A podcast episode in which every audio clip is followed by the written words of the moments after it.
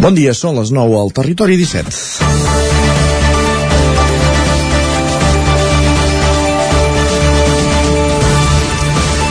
Estem en dies en els que esmorzem, dinem i sopem amb monarquia a causa de la mort del passat dijous de la reina Elisabet II d'Anglaterra. Però no només. HBO Max ha estrenat el documental de tres capítols, Servir al rei, on fa un extens repàs a la vida i trajectòria del rei emèrit espanyol Joan Carles de Borbó. Un ampli elenc de periodistes extreballadors de la Casa del Rei, la filla d'una de les seves amants, gravacions, ajuden a construir un perfil força real de la figura del rei que veu passar els dies a cos de rei, valgui la redundància, als, als Emirats Àrabs, després dels escàndols que, que després que els escàndols l'obliguessin a abdicar l'any 2014. Sobta, per exemple, la millor relació amb els governs socialistes que amb els populars, o les mofes que en privat feia el monarca de José María Aznar. El documental no amaga res del que es va intentar amagar durant el seu mandat i fins i tot apunta un dels seus més estrets col·laboradors, Sabino Fernández, com un dels autors de filtracions interessades i que va ser apartat de les seves funcions per pressions de, de Corinna Larsen. Tot el que es va amagar de Joan Carles I surt ara. Llàstima que el documental no segueixi amb la vida del seu successor, del que encara en sabem poques coses més enllà del seu brillant discurs del 3 d'octubre de 2017. I que les successions dinàstiques haurien de ser més pròpies d'altres temps, però en això tampoc ens deixen escollir. És dimarts 13 de setembre de 2022. Atents a Twitch, YouTube, Ona Codinenca, La Veu de Sant Joan, Ràdio Cardedeu, Ràdio Vic, el 9 FM i el 9 TV, perquè comença el Territori 17. Territori 17 amb Isaac Moreno i Jordi Sunyer.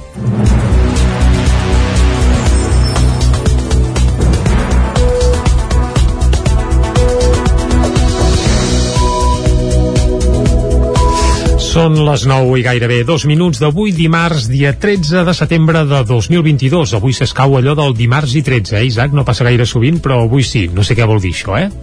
Tothom que ho interpreti per on vulgui. Ara ho has dit. Ah, exacte. Bé, doncs això, dimarts 13 de setembre, passen dos minutets de les 9 i de seguida el que farem és arrencar un territori 17 que avui, com sempre, durant la primera mitja hora us acostarà tota l'actualitat de les nostres comarques. A dos quarts de deu, nosaltres, puntualment, pujarem com cada dia a la R3, a la Trenc d'Alba i tot seguit arribarà l'entrevista, avui des d'Ona Codinenca, oi? Exacte, anirem a Sant Feliu de Codines perquè aquesta setmana comença la festa major i d'això en parlarem amb la regidora Montse Aguadó, Aguadé perdó, i en companyia de la Caral Campàs, que ja ens espera una Codinenca. Doncs vinga, els detalls de la festa major de Sant Feliu de Codines, que la tenim ja a la cantonada, a l'entrevista d'avui a Territori 17. Tot seguit, abans de les 10 hi posarem música per partida doble avui, eh? I és que ens acompanyarà, com com feia la temporada passada un cop al mes aproximadament, l'Arnau Jaumira per acostar-nos novetats discogràfiques d'àmbit nacional. Carai. Aviam què ens porta en una setmana marcada pel mercat, mercat de música viva, que per cert arrenca demà, eh? Demà Correcte, dimecres. amb la Núria Grey, en concert inaugural. Exacte. Doncs vinga, fet aquest apunt, uh, un pèl abans de les 10, si tenim temps, encara hi posarem la cançó del dia, més música. I a les 10 arribarà un nou butlletí informatiu per actualitzar-nos i posar-nos al dia. I tot seguit, és dimarts, què vol dir això, Isaac? Que ens tocarà? Parlar d'economia. I directament ens la posarem a la vena. Avui amb en Joan Carles Arredondo parlarem de la inflació i de l'increment del tipus d'interès en 0,75 punts per part del Banc Central Europeu el passat dijous, fins a situar-lo a l'1,25%. Indicis de la tardor que ens espera els que tenim hipoteques segur que ho notarem quan s'hagi de revisar. I els que hem de contractar gas i altres serveis també, energètics també. també. Vaja. Doncs va, això ens, uh, ens posarà al dia el Joan Carles Arredondo. Tot seguit, cap a dos quarts d'onze serà el moment de les piulades. També farem un cop d'ull a les portades del 99.cat i per acabar els dimarts, com ho fem? Doncs amb el territori dona. Avui en companyia de la Maria López, la Caral Campàs i la Txell Vilamala per posar una mirada femenina a l'actualitat. Doncs vinga, ara que ja estem situats, ja podem arrencar i ho farem com sempre fent un repàs a l'actualitat de les nostres comarques. Ja ho sabeu, les comarques del Ripollès, Osona, el Moianès i el Vallès Oriental. Entitats, institucions i partits polítics participen a l'ofrena floral de la Diada de la Placa Commemorativa Bac de Roda, a Vic. Encapçalats per l'Àliga i geganters de la ciutat, la comitiva, encapçalada per l'alcaldessa Anna R i la consellera d'Acció Exterior i Govern Obert, Victòria Alzina, va deixar roses grogues a l'escultura d'homenatge a Bac de Roda, que hi ha a les portes de l'església del Carme. L'acte va continuar a pocs metres sota la placa a Bac de Roda, on entitats i institucions de la comarca van anar dipositant rams de flors, exceptuant Junts per Catalunya, la resta de partits partits polítics va rebre xiulets i crits d'una part del públic quan va ser el seu torn, un fet que exemplificava un cop més la tibantor política que durant tot el cap de setmana ha marcat els actes de la Diada. L'acte va acabar amb el Ball de l'Àliga i el Pilar dels Segals d'Osona i el Cant dels Segadors. La consellera Victòria Alzina va participar a l'ofrena floral abans de fer la conferència de la Diada, a la sala de la columna de l'Ajuntament de Vic, amb el títol La vocació internacional de Catalunya, la consellera d'Acció Exterior i Govern Obert va començar citant el Pacte dels Biguetans com a exemple de l'obertura històrica dels catalans al món. També va defensar el departament que encapçala, que assegurava ha estat fortament qüestionat aquests últims anys. Escoltem a la consellera. El 155 és un departament que es van tancar a la xarxa de delegacions a l'exterior. Quan jo vaig aterrar a la conselleria, ara ja fa un any i escaig, Primer expedient no, però segon que em vaig trobar sobre la taula, el del Tribunal de Comptes, que venia a imputar 34 als càrrecs per haver fet la seva feina en l'àmbit de l'acció exterior. Per tant, estareu d'acord amb mi que aquest departament, que és una culminació institucional d'una tradició catalana que sempre ha cregut que el nostre món era el món, ha estat fortament qüestionat aquests darrers anys Alzina, que és consellera de Junts per Catalunya, també va parlar de la crisi que ha d'arribar aquesta tardor. Ve uns mesos complicats, però no hem de ser catastrofistes. Eh? El govern té la convicció de la necessitat absoluta d'aprovar uns pressupostos per l'any 23 que ens permetin lluitar contra totes aquestes crisis que tenim, que ens permetin implementar el que des d'Europa han estat aquests fons de recuperació Covid, els Next Generation, per acabar, Alzina va apel·lar a la unitat, remarcant textualment que no hi ha res que no podem aconseguir si treballem tots plegats. Més qüestions. Aquest cap de setmana un veí de Vic s'ha endut una alegria. I és que ha guanyat un milió d'euros al sorteig de divendres de la loteria europea l'Euromilions. Les butlletes les va comprar l'estanc Lourdes Puig al carrer Manlleu de Vic, on era un dels clients més habituals. Divendres passat, com cada matí, el nostre protagonista va entrar a l'estanc de la Lourdes Puig al carrer Manlleu de Vic. Va comprar un paquet de tabac i va fer una aposta mínimes. Va gastar dos euros i mig amb l'Euromilions i un euro més a la Bonoloto. L'endemà l'afortunat es va acostar de nou a l'establiment per veure si d'una vegada per totes hi havia hagut sort. Tot plegat ho explica Lourdes Puig, propietària de l'estanc. Quan li vaig dir, senyor, ha tret un millor. Va dir, entusiasmat, quina alegria Lourdes, em va abraçar, se'm va emocionar i em va fer emocionar a mi, evidentment. Va ser una alegria molt maca. La propietària està contenta que el premi li hagi tocat a un client fix. A més, per l'establiment, repartir una quantitat de diners tan gran fa un efecte crida a d'altres clients menys habituals. Això sempre és una propaganda gratuïta, que és genial, i bueno, vull dir que va molt bé. El boca a boca s'ho van dient a la gent, que aquell estanc ens ha donat un premi.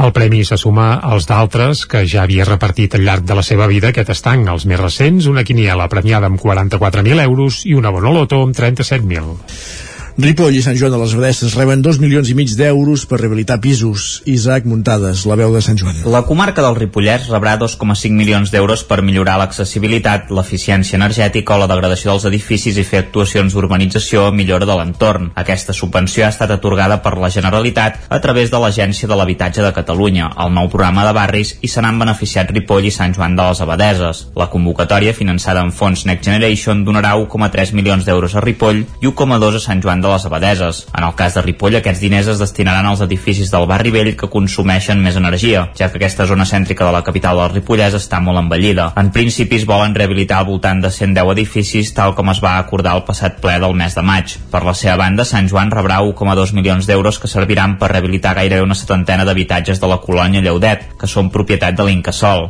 L'alcalde Ramon Roquer deia que calia atendre aquesta demanda d'habitatge, sobretot en relació a la indústria, ja que hi ha molta gent que vol venir a treballar al Ripollès o simplement a viure-hi. La colònia Lleudet no està al nucli urbà de Sant Joan, però és un espai amb molt de potencial. Aquesta subvenció permetrà finançar gran part d'un projecte que té un cost global de 5 milions. L'alcalde també va deixar la porta oberta al públic que aniria destinat, però segurament es diversificarà l'oferta, habitatges de lloguer en venda, de lloguer social per joves o per gent gran. Les inversions per comunicar la colònia Lleudet amb Sant Joan no s'acaben aquí. Amb el plan és que hem demanat a Vies Verdes, posarem llum a la via verda de Sant Joan a Lleudet. Vull dir que Lleudet l'anem connectant amb el poble, sí que vale, hi haurà un tram, hi haurà un tros que no hi haurà habitatges, però esclar, si allà poses molta gent, hi ha un equipament que és un museu i espais per al, per al barri que seran en aquest museu, aquí hi haurà espais per emprenedors, espais per la comunitat de veïns i també hi haurà un, vi, un petit vial carrer que connectarà els habitatges de la curva amb els altres, vull dir que allà crearàs tota una comunitat o veïnat o digue-li com vulguis barri, allà hi poden viure 100, 100 i pic, quasi ha pobles de la comarca que no tindran tants habitants com la colònia Lleudet. També va apuntar que hi ha nuclis urbans que encara estan molt més allunyats del seu municipi com Bruguera o Ventolà de Ribes de Freser o Beget i Rocabruna de Camprodon.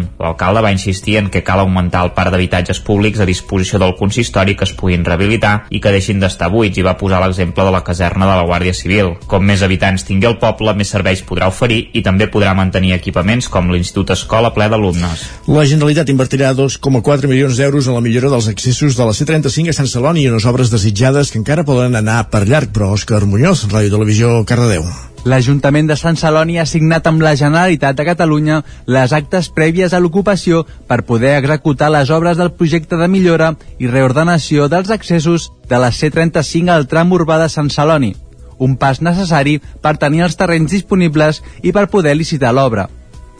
Aquesta obra comportarà la millora dels accessos i sortides i una rotonda a l'alçada dels terrenys de la forestal, amb un valor estimat de 2,4 milions d'euros. Des de l'Ajuntament es remarca que encara hauran d'esperar uns mesos de tot el procediment de licitació per veure l'obra, però ja està en línia de sortida.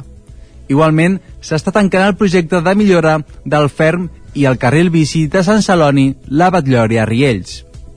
En les properes setmanes el consistori té l'intenció d'informar dels detalls i previsions d'aquests projectes, que segueixen els llacs agotats de la passera elevada i el pas de vianants del pont del Patgeràs la rotonda de Palau, la rotonda de Riells i el pas soterrat de la Batllòria, i la millora de l'enferm i seguretat del tram Sant Celoni-Villalba. A Sant Feliu de Codines, l'entitat Sense Estovalles, el centre excursionista i Joan Gisbert reben un reconeixement amb les mencions d'honor Vila de Sant Feliu de Codines. Caral Campà, zona codinenca. Sant Feliu celebra sempre la diada de l'11 de setembre amb l'acte institucional i ofrena floral, però també amb el lliurament de les mencions d'honor Vila de Sant Feliu de Codines. Cada any la població ret homenatge a entitats o persones que hagin destacat per alguna qüestió. Enguany, diumenge al migdia, es va reconèixer l'Associació Cultural Gastronòmica Sense Estovalles pels 20 anys dedicats a la cultura culinària. De fet, durant dues dècades l'entitat ha estat la impulsora de l'escudella de Carnestoltes que enguany celebrava 233 anys, cuinant i repartint centenars de litres de caldo. Aquest març van fer el relleu a una altra entitat, els Amics de l'Escudella, que ara s'encarregaran de la festa. Sentim Joan Vilanova, del Sense Estovalles. Els hi han passat tot molt, eh? Tota la documentació, tot el... Quan nosaltres ho vam agafar, no teníem cap fórmula de l'escudella. En 15 dies vaig començar a fer escudella, combinacions, i ara estan fent l'escudella que en el seu dia vaig, vaig dissenyar. Diumenge també va rebre la menció d'honor al centre excursionista pel seu 50è aniversari i Joan Gisbert Tejero in memoriam per la seva contribució al desenvolupament cultural i esportiu de la vila. A més, en la categoria de reconeixements es va guardonar l'equip prebenjamí del club de futbol per haver guanyat la Lliga, Aaron González Carrasco, estudiant de batxillerat de Sant Feliu, amb la millor nota de selectivitat i el grup de teatre amateur de Xalles 81 per ser finalistes als Premis de Teatre Jove de la Fundació Coca-Cola en la categoria de monòlegs amb La puta del manicomio de Darío Fo, interpretació de Joana Obradors. Gràcies, Caral, que en Peyu ha estrenat aquest cap de setmana per partida doble l'il·lusionista, la, nova, la seva obra nou, o la seva nova obra de teatre, volem dir. Dissabte va omplir el Teatre de Callatenes i diumenge també va exaurir totes les entrades al Sirvianum de Trolló. En aquest nou espectacle, Peyu aposta per crear un muntatge on la màgia és el fil conductor, però sempre amb l'humor com a ingredient protagonista. Tot i que no és pròpiament un espectacle de màgia, l'il·lusionista interpel·la l'espectador amb el truc més antic de tots, la màgia del teatre. En aquesta ocasió, la il·lusió d'en Peyu ha sigut endinsar-se al món de l'il·lusionisme, esperant sorprendre el públic i esperant sobretot que la gent també es deixi sorprendre. Escoltem en Peyu. Portem uh, un estiu bastant intens uh, amb la màgia primer, que ens assessora en Sanyes, que és de la Garrotxa, uh, un mag molt jove, molt, molt bo, i que bueno, m'ha ensenyat diferents tècniques. La gent que no s'esperi anar a veure el Mago Pop, eh? faig el que puc. Però sí, sí, hi ha, hi ha part de màgia en l'espectacle, i al final la, la gent que hagi vist els meus espectacles ja ho saben, no? A mi m'agrada molt sorprendre la gent, uh, deixar-los una mica descol·locats al principi, i després tot va portant cap a, cap a un camí que ja reconeixes en Peyu i dius, ah, vale, vale, això anirà d'això, no? Tot va començar el 4 de juliol al Teatre de Call d'Atenes, el mateix espai on dissabte es va estrenar l'espectacle que diumenge va omplir també a Torelló. A partir d'ara, l'il·lusionista també farà parada d'altres municipis, com per exemple Girona, Igualada o el Teatre Borràs de Barcelona, on farà temporada d'aquí unes setmanes. L'espectacle està dirigit per Joan Roura i té una major complexitat tècnica que els anteriors, amb un espectacular joc de llums, música i diferents trucs de màgia. Tot això, però, amb un clar objectiu que explica el mateix Peyu diu. Ens agrada això, interpel·lar l'espectador més enllà de l'humor doncs, amb, amb, amb emocions i amb sensacions i això aconsegueixes amb una factoria molt ben acabada, tot plegat, no? Hi ha gent a vegades que no li donarà importància, però inconscientment tu estàs consumint un espectacle de riure, però veus que estan passant moltes coses a l'escenari i això d'alguna manera t'afecta. Sense fils, sense imants i sense trucs, des de la distància, aquest cap de setmana en Peyu va fer una cosa tan màgica com canviar el rostre en una obra que ens invita a anar a l'essència més primitiva de la vida, deixar-se il·lusionar i l'ONG Gambetta, que va néixer fa 3 anys a Vic amb l'objectiu de generar oportunitats de creixement per nois i noies catalans i colombians en risc d'exclusió a través del futbol, ha aplicat amb èxit el seu projecte aquest estiu a l'Escola Social de l'ORBIC i a Colòmbia i la setmana passada, acabats d'aterrar, en feien un primer balanç. L'ONG té per objectiu acompanyar infants d'entre 6 i 12 anys per evitar que deixin els estudis i la seva metodologia de treball es fonamenta en el model de futbol social que ja s'aplica a l'Escola de l'ORBIC des de fa prop de 18 anys. Aquí el model funciona i aquest estiu els responsables de Gambetta han estat 3 setmanes a Colòmbia on al principi no ho acabaven de veure clar, ho explica Pep Novelles, impulsor director de l'ONG. Els monitors es pensaven que venien a fer pràctiques d'entrenadors de futbol. I el que es van trobar és que han fet pràctiques esportives però d'educació social.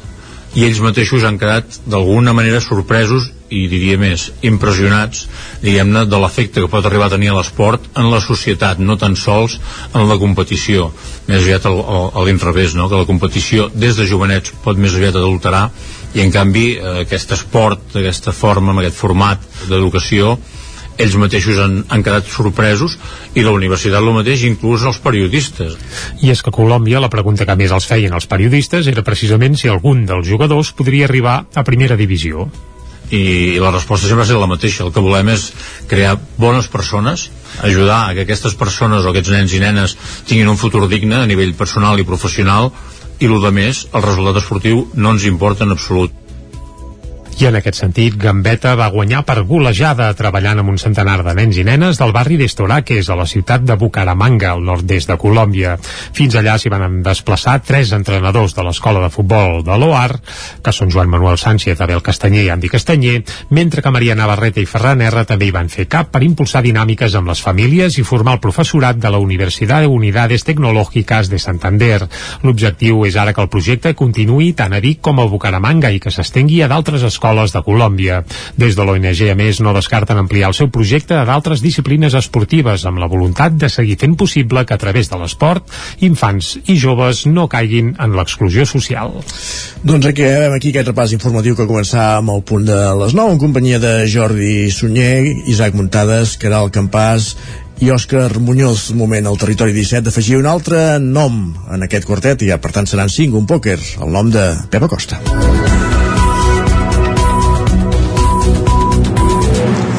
I en Pepa Costa, el nostre pòquer és l'home del temps.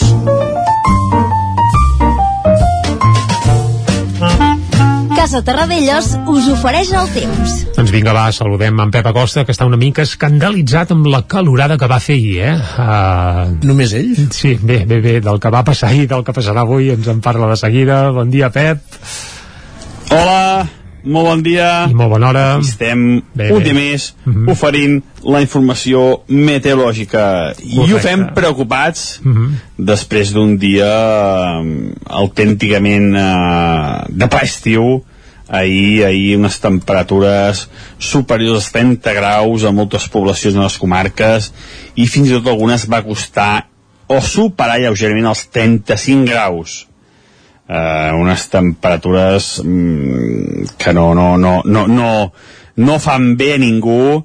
Eh, una autèntica calorada la d'ahir. I també aquesta nit eh, no han baixat les temperatures de 20 graus a moltes poblacions del litoral, fins i tot d'Osona, del Mollanès també, només una mica fresca a les zones eh, més, mm, més reserades, més fresques, de valga redundància, del Pirineu, eh? Això no, no, no pot ser. I això ja és passat aquesta calorada. Avui eh, comencem el dia amb més núvols. Tenim eh, un front que ens està passant. És provocat per, per l'exhuracà Daniel, que es va, va néixer a l'Atlàntic i es va anar traslladant cap a Europa i ara el tenim gairebé a sobre eh, ja amb una perturbació, eh, una perturbació normal i corrent de les que ens agradaria que vinguessin més sovint i que fa molt que no, que no venen, eh, aquestes perturbacions atlàntiques. És una perturbació atlàntica, com deia aquest huracà, normal i corrent i ahir ja va provocar eh, en certa manera alguna petita sorpresa. A la tarda vam tenir una tempesta al nord d'Osona, al Ripollès va deixar entre 0 i 5 litres a la majoria de les poblacions, però cap a l'aire de Camprodon sí que hi va haver pluges una mica més intenses, uns 10-15 litres, segurament en alguna zona on no hi ha pluviòmetre va deixar més de 15 litres, eh, perquè es veia des del Vallès es veia una, una gran tempesta cap a aquella zona i segur que en algun lloc alguna, algun ruixat va ser més important. Doncs avui, com dèiem, ens, ens està afectant ja aquesta ex-huracà, ex aquest, aquest ex-huracà, i mica a mica els núvols seran més importants. Jo crec que plourà eh, aquest migdia tarda començarà a ploure, sobretot cap a la zona del Pirineu i també eh, per la litoral uh, més, més tímidament. Les pluges més intenses en aquest episodi, per això, seran cap a l'oest de Catalunya. Uh, a la nostra zona quedarem una mica més al marge i no sembla que avui les precipitacions siguin molt destacades. Com a molt, entre el 0 i els 5 litres. Uh, més de 5 litres cap a la zona del Ripollès sí que pot haver-hi algun, alguna tempesta tarda una mica més forta com es va produir ahir i es poden superar aquests 5 litres.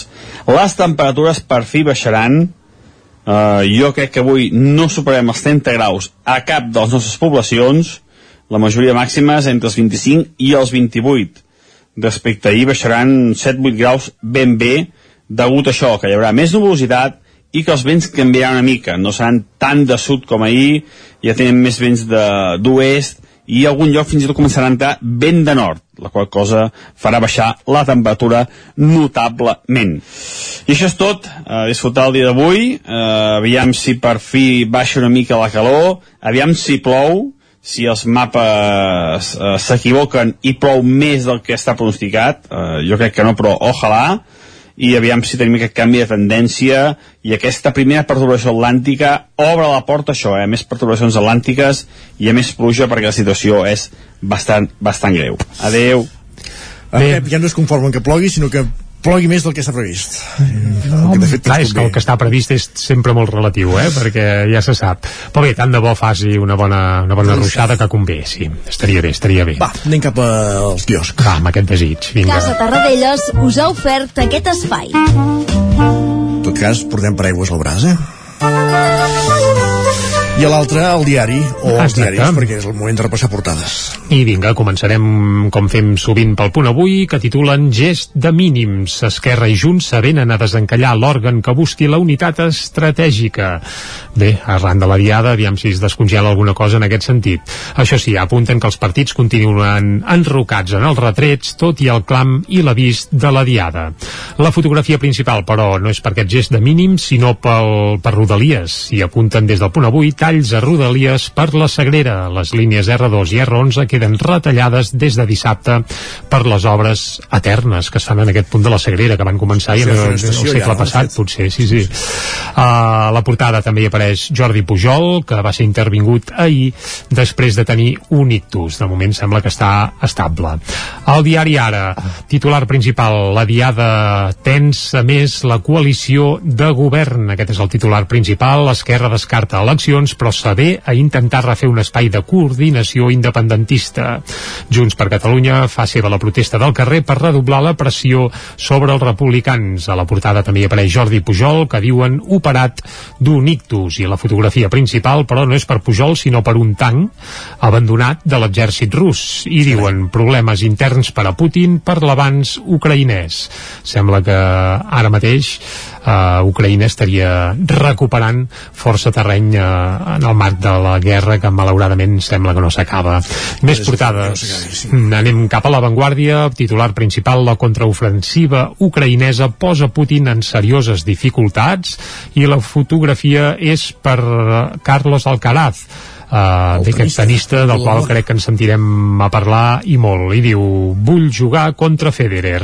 Li fan una entrevista i el titular és aquest. És número 1 i es veu que contra Federer encara no hi ha jugat. Esclar, perquè és que un està a punt de retirar-se i l'altre sí, sí, l'altre acaba de... Sí, sí. Uh, va ràpidament al periòdico. Esperes de 5 dies per tenir visita als CAP.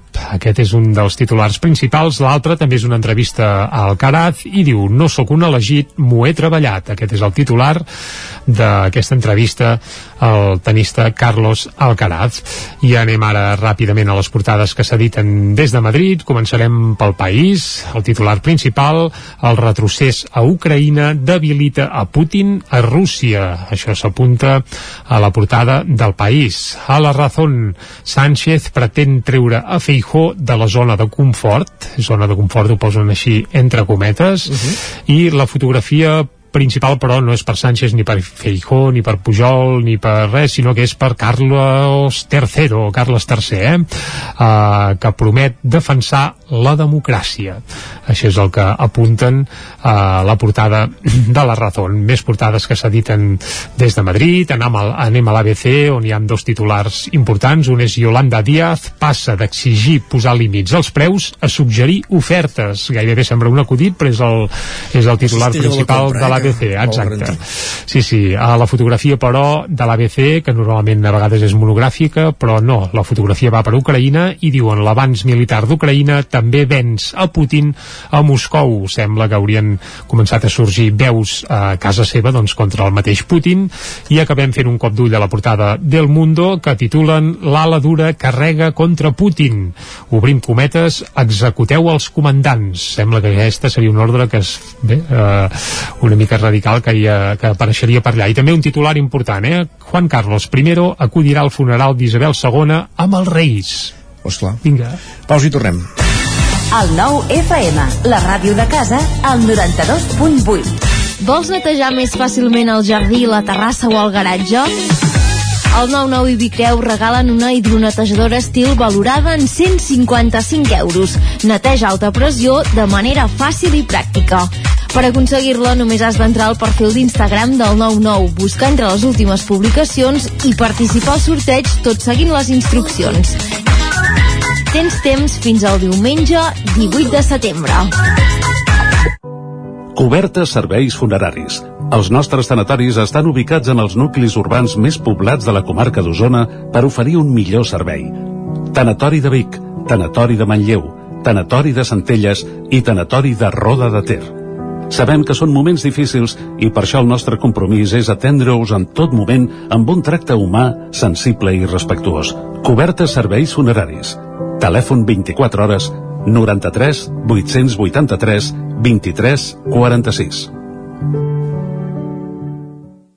Centre Auditiu Aural. Som al carrer Jacint Verdaguer 17 de Vic. Telèfon 93 883 59 79. Aural Vic, el camí cap a la millor audició i el benestar. Amb Pradell estalvio energia i cuido la meva butxaca i el medi ambient. Posa't en mans a Pradell, són experts en calderes de gas i condensació, estufes de pelat, energia solar, terres radiants i geotèrmia. Pradell instal·la calderes de biomassa per a particulars i per a empreses. Si vols estalviar un 50% en consum, contacta amb Pradell i passa't a les energies renovables. Pradell, som a l'Avinguda Països Catalans 27 de Vic. Telèfon 93 885 1197. Pradell.cat. Cocodril Club. Si t'agrada la bona música dels anys 60, 70 i 80, escolta el 9 FM els matins de dissabtes i diumenges d'11 a 1. És el temps del Cocodril Club, tot un clàssic de la ràdio, amb les bases del pop-rock, les llegendes, les cançons que s'han convertit en autèntics himnes. Recorda, dissabtes i diumenges al matí, d'11 a 1, al 9 FM 92.8. Cocodril Club, el programa revival de l'Albert Malla. Hasta luego, cocodrilo. La taverna d'en Sidoro. Fem esmorzars de forquilla, dinars, sopars i tenim una gran varietat de tapes i plats per escollir. Cuina oberta tot el dia. Tenim peix fresc de la llotja. No et perdis el nostre extraordinari pop. Vine a la nostra terrassa. La taverna d'en Sidoro. Som al carrer Pirineus 20 del polígon Mas Galí de Gurb. Telèfon 93 883 1689. Anuncia't al 9FM. La màquina de casa. 9 3 8 8 9 4 9 4 9. Publicitat arroba al 9FM.cat. Anuncia't al 9FM. La publicitat més eficaç. Territori 17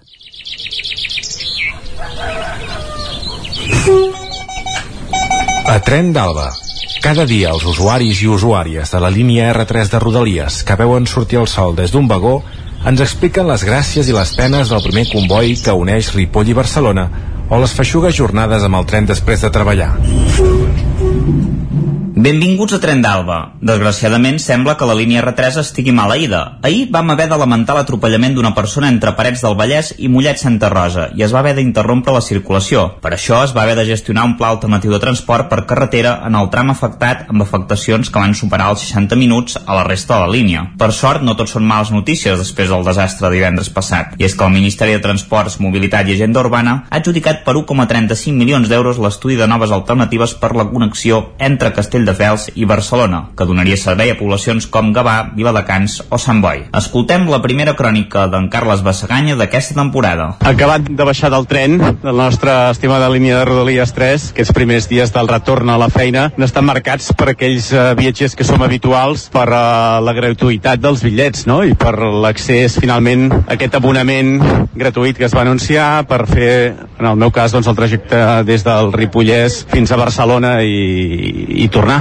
per motius, uh, per motius laborals. Per tant, aquests primers dies, els que, insisteixo, són passatgers habituals, el que se'ns demana en moltes ocasions, per aquells que saben que utilitzem moltes vegades el tren, és uh, amb una certa condescendència de dir, home, deveu estar contents, no?, que el tren ara us ha sortit gratis. I aquests dies aquest debat mediatitza bastant el, el que ens demanen i el que nosaltres contestem, no? Clar, cadascú des del seu punt de vista. En el meu cas la resposta és uh, no. no estic particularment content que el tren, en el meu cas, el trajecte de Ripoll a Barcelona sigui gratuït perquè, bàsicament, dos motius. Un primer em fa molt de por entendre que els serveis públics siguin gratuïts. No és veritat, són i els seus costos són pagats pels impostos i per les despeses generals que aportem tots plegats, els que tenim la sort de cotitzar o la sort de contribuir a l'eradi públic i entendre que un servei és gratuït, sobretot en el nostre entorn, és una mala senyal perquè el dia que algú s'encansi, doncs encara serà més fàcil eh, deteriorar aquest servei públic. I un segon és perquè no estic content, és perquè el que estaria veritablement content seria que el servei funcionés, que una persona doncs, que viu al Ripollès, en el meu cas a Sant Joan de les Abadesses i que baixa doncs, de forma habitual a treballar a Barcelona, ho pogués fer amb un servei públic ferroviari que fos puntual, que fos còmode i que fos realment pràctic per evitar precisament allò que ara es vol evitar, que és el trajecte amb transport privat. Per tant, aquests dies ja veieu, totalment mediatitzat, lògicament, per aquesta gratuïtat del bitllet. Res més, llarga vida al tren, a Rodalies 3, i sobretot pensant que ja fa 5 mesos que no disposem del nostre estimat tren bala, aquell tren que realment ens anava bé per poder ser el de matí, a les 9 del matí, per poder treballar a Barcelona. Adéu-siau i per molts trajectes més. Doncs tota la raó, Carles. Quan un servei passa a ser gratuït sembla que es devaluï i per tant tot s'hi val. Que el tren arriba tard. No passa res, no us queixeu, que us porta de franc. Que els seients no són còmodes. Què esperàveu? Si no pagueu, tampoc tenim per què renovar els trens. Que no hi ha seguretat als convois. Perquè l'hem de pagar si igualment viatgeu de franc. En fi, el servei hauria de ser pagant i que funcionés de veritat. Va, ens retrobem demà amb més històries del tren i de l'R3. 3 minuts i mig que passen de dos quarts de 10 al Territori 17. Anem a l'entrevista. Parlem tot seguit de la Festa Major de Sant Feliu de Codines. Territori 17, el 9 FM, la veu de Sant Joan, Ona Codinenca, Ràdio Cardedeu, Territori 17.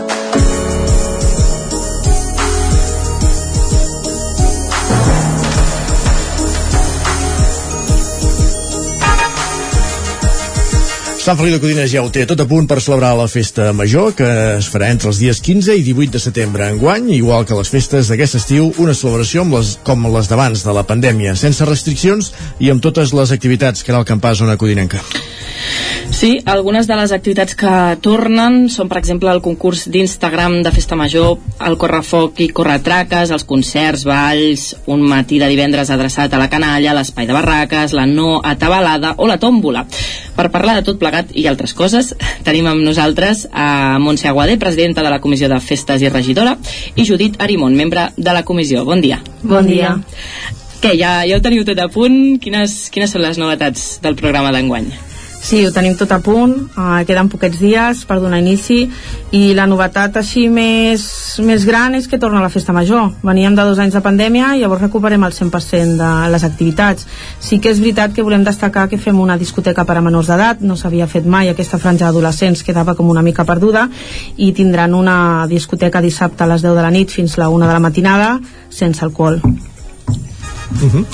Pel que fa a la programació musical, quina, quina oferta, oferta hi haurà? Perdó. Doncs per, pel que fa a l'oferta musical, eh, aquest any hem escollit mm, grups de música català i grups de versions perquè sembla difícil però és complicat buscar un estil de música que pugui agradar a molts estils de gent i sobretot moltes edats i per això també hem optat per fer com sempre a la sala de màquina i la sala de baix on hi haurà música més actual i com ha dit la Montse doncs aquesta discoteca per a menors Mm -hmm. Um, a més, en aquest entorn, ja aprofitant, s'ha promogut el Punt Lila, no? en entorn de, de concerts, sobretot, a, a on estarà situat i, i qui, qui hi haurà?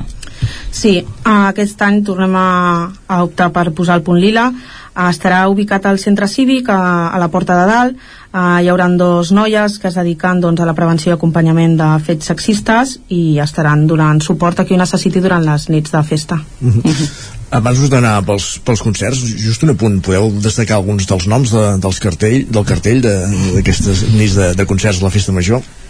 Sí, i tant. Divendres tindrem músics de carrer i clima, uh -huh. i, i Sixtus, perdó, i dissabte clima i guassa. Molt bé. Uh, més qüestions, uh, ho dèiem abans l'entradeta, torna aquest concurs d'Instagram, com, com funciona, com s'ha organitzat? Bueno, aquest eh, concurs d'Instagram ja feia anys que es feia, es va deixar de fer per la pandèmia i es tracta d'aconseguir la foto més xula, més bonica de festa major. Uh, les imatges hauran de correspondre als dies de festa major fins diumenge a les 23.59 i els guanya, el jurat està format per un representant de l'Ajuntament, dos representants de la Comissió de Festes i dos fotògrafs aficionats. I bé, els premis es donaran premis al primer, segon i tercer i seran caixes regals d'experiències. Um, també una de les parts principals de la festa major són les colles culturals. Um, no sé com, com estan perquè després de la pandèmia entenc que deu ser difícil i també d'altra banda uh, això, el protagonisme que tornen a tenir doncs, gegants, els correfocs uh, tornaran a ser presents. Com, com estan i, i com anirà tot això Bueno, jo crec que tant uh, les colles de, de correfoc, gegants, tabals, tenen moltes ganes, igual que, que tant els nens com adults, de, de retrobar-nos als carrers. Uh, recuperem, com he dit, el correfoc infantil, el d'adults, les plantades de gegants, la no matabalis, o sigui, uh, recuperem 100% i jo crec que tot, tothom té moltes ganes de, de tornar a viure l'alegria als carrers. Uh -huh. Més qüestions. Es recupera el sopar de fi de festa i el piro musical, per tant, tot d'activitats que, que es van recuperant després del que han set les festes de la pandèmia. Sí, recuperem el sopar popular, es farà a la plaça i aquest any va càrrec dels uh, Escolta Macalo. Uh, els tiquets són, serà una botifarrada, uh, el tiquet serà 6 euros a botifarra més beguda i d'aquests 6 euros un euro anirà destinat a una ONG de petits detalls i en acabar uh, el sopar doncs farem el piro musical a la plaça com s'ha fet sempre per tancar a aquesta festa major. Uh -huh. eh, hi, ha, hi ha una mica de, de confusió pel que fa a entrades. A veure, de, deixem-ho clar. eh, hi ha només algunes propostes que, del programa que, que van no amb tiquet, que són l'espectacle Not Talent i l'Orquestra Saturno, però bé, expliqueu-nos bé com funciona això i, i si hi ha més, què ha de saber la gent, que és l'important. Bé, uh, aquest any uh, les entrades estan per l'espectacle d'humor de divendres, que és el Not Talent, de la Judit Martín, i el concert de Festa Major, l'Orquestra Saturno, que serà dissabte. Uh, les entrades s'han posat a la venda a través de la pàgina web i presencialment a l'Ajuntament per qui no, no s'entenia gaire bé amb, amb, la, amb internet. Uh, podran adquirir les entrades fins demà dimecres a la una. Queden poquetes ja i uh, sobretot recalcar que no són entrades numerades. Uh, cadascú adquireix la seva entrada i el dia de l'espectacle doncs una estoneta abans farà cua, anirem passant entrades i podran anar seient uh, on, on vagi bé. Uh -huh com dèiem, la festa major comença dijous, entenc que, que hi ha ganes, no? I sobretot pel fet aquest, és una de les últimes festes de l'estiu, però també per vosaltres és la, la primera festa post-pandèmica sense restriccions, per tant, són ingredients, diguéssim, que, que fan que, que s'esperi, no?, que la festa de Sant Feliu. Sí, sí, tenim, tenim moltes ganes, Uh, des de la comissió s'ha fet amb molta il·lusió de reprendre totes les activitats i pel que sentim a la gent, doncs la gent té moltes ganes de festa. Sí que el que volem remarcar és que la gent surti als carrers, s'ho passi bé, però si plau amb respecte, civisme uh, i sobretot això, passar-s'ho bé, però, però respectant l'entorn i, i les persones que surten a, a gaudir.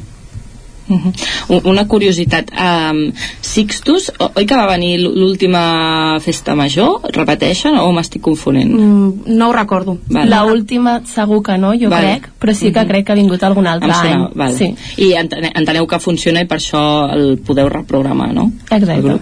Uh -huh. Sí, bueno, com ha dit la Judit, són versions catalanes i això sempre agrada i és música per ballar i, i passar-ho bé. Uh -huh sí que em sona que recentment, no sé si era el Festa Major o alguna altra activitat de Sant Feliu, aquí n'hem parlat que, que els Sixtus eren a, a Sant Feliu, un grup usonenc que, que està presentant un, el seu primer disc que, que no és de, de versions. No sé si hi ha cap més pregunta, que era al, al respecte.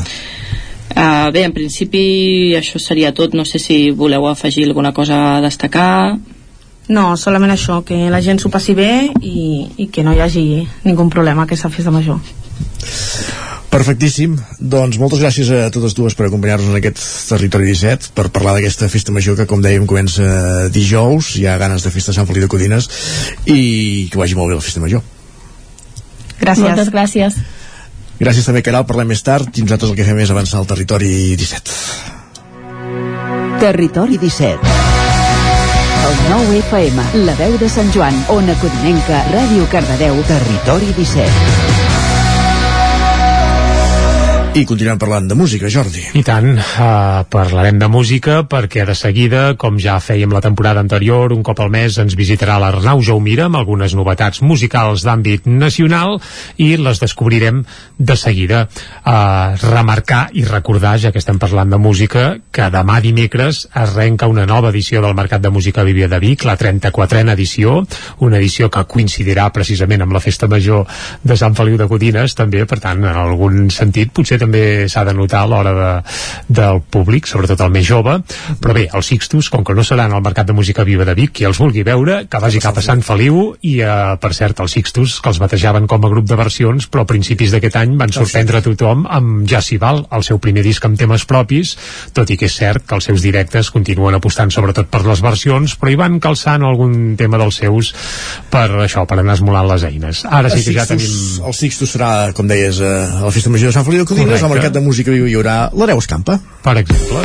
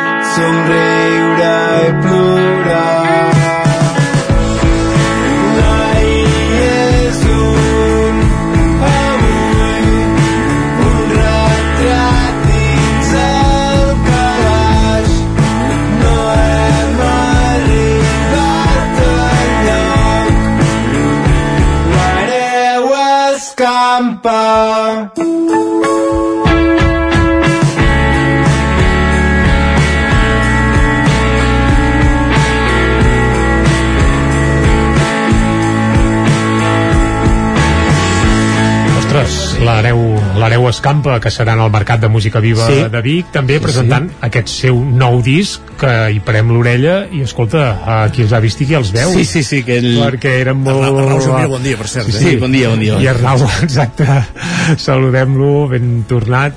Uh, S'han endreçat molt. Sí, sí, sí, eh, d'aquell punt més, eh, no, més Sí, estripat. esparracat, no? estripat, amb guitarra, bateria i Ara és veu... un, eh, fan dir una mica punk pop, eh? És un, una cosa així més melòdica, no? I aquest futur ancestral, que és com es diu aquest eh, nou àlbum del, de l'Areu Escampa, i que arriba 5 anys després de 5 anys després de l'última de l'últim disc que havien tret, no? 5 anys de silenci i doncs arriben per per donar, seguir donant, donant guerra a aquest duet de, de Manlleu amb en Carles Generó i en Guillem Colomer que doncs eh, tornen a revifar no? després d'aquesta Bé, de dos anys de pandèmia i de l'aturada Sí, que com a grup també van experimentar. Sí, ells volien, ells eh, deien que estaven una mica cansats, no?, i van, van agafar distància, i diu que això els ha servit, doncs, com ha servit a molts grups, no?, per agafar eh, doncs, noves ganes de tornar a, a, a fer cançons, i en aquest cas, doncs, per fer aquest, aquest disc, escoltàvem la escoltàvem aquesta, aquestes eh, noves cançons com,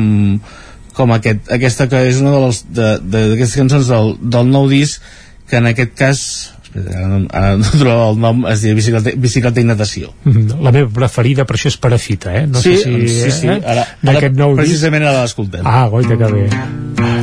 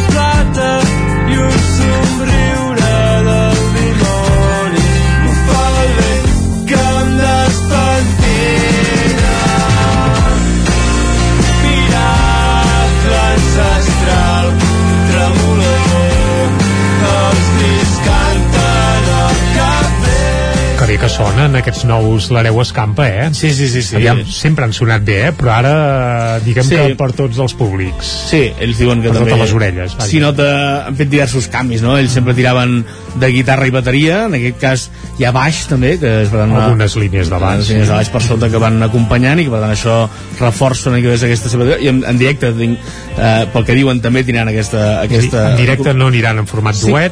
faran trio, això mateix, Ah, en un trio, val. trio, Mhm. en principi amb la, amb la parella d'en Guillem, la, la Pilar Tartiere, que doncs, tocarà el baix i el teclat en, en el directe, almenys és la intenció que tenen ara com ara. Veurem si aquest cap de setmana ho podem veure ja que, eh, aquí a Música Viva. Home, segur que sí, perquè Segur que està sí. programat Correcte. i No, no, vull dir, si ja veiem eh? el format definitiu, que Sí, sí, suposo que sí. però eh, això, i també eh, doncs, ells aprofiten per dir que que en, en això també, en aquest canvi de, de musicalitat també hi ha ajudat doncs, el, el nou productor l'Ildefons Alfonso que havia estat amb el Petit de Calaril i, i, i amb la Santina i doncs que ha donat una visió nova al projecte no? que ells, segurament els hi faltava també això no? de veure-ho des d'una altra òptica i doncs els ha, els ha pogut ajudar el, el productor En Jordi està sorprenent com sonen a la Caral que no els coneixia li està sorprenent la banda, eh, que sí, Caral?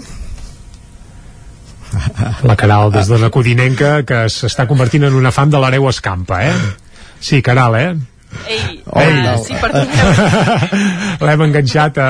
M'heu agafat aquí. Uh, sí, uh, jo no no, no, no, no n'havia sentit a parlar, he vist que són, bueno, que ho heu comentat, eh, que són de Manlleu, i també estava veient aquí a la Wikipedia que posa, uh, que parlen d'o- d'on és l'origen no, de, del nom de l'Hereu Escampa.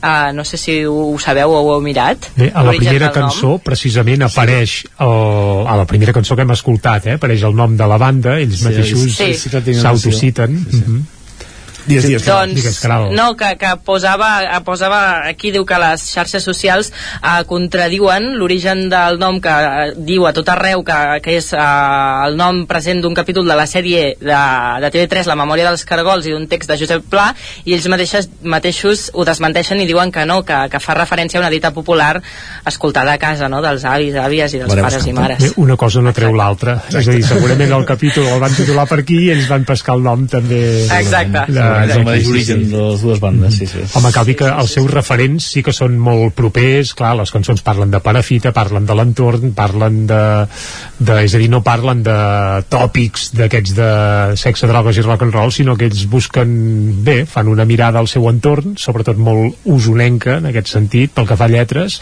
i això ho transformen en unes peces que la veritat és que en aquest nou disc, Arnau, eh, baixen molt i molt bé, eh? Sí, sí, sí, sí, el que deies, eh? Ells fan, a les seves lletres fan referència a la, a la plana de Vic, molt clar, I tant. fita, evidentment, com Lluçanès, com escoltàvem...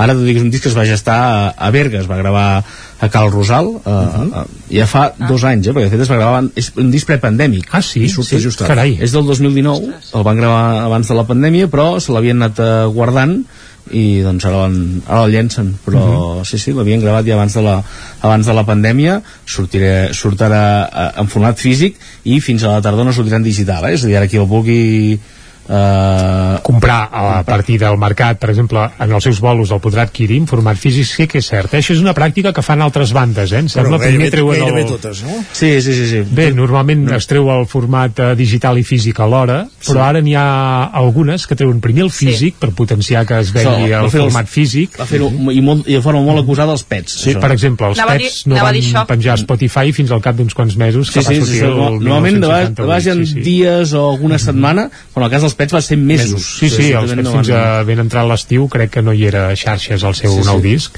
Uh, Què escoltem, Arnau? Doncs escoltem una altra cançó d'aquest d'aquest disc, que en aquest cas es diu Un altre dia, en aquest disc. Vinga, va.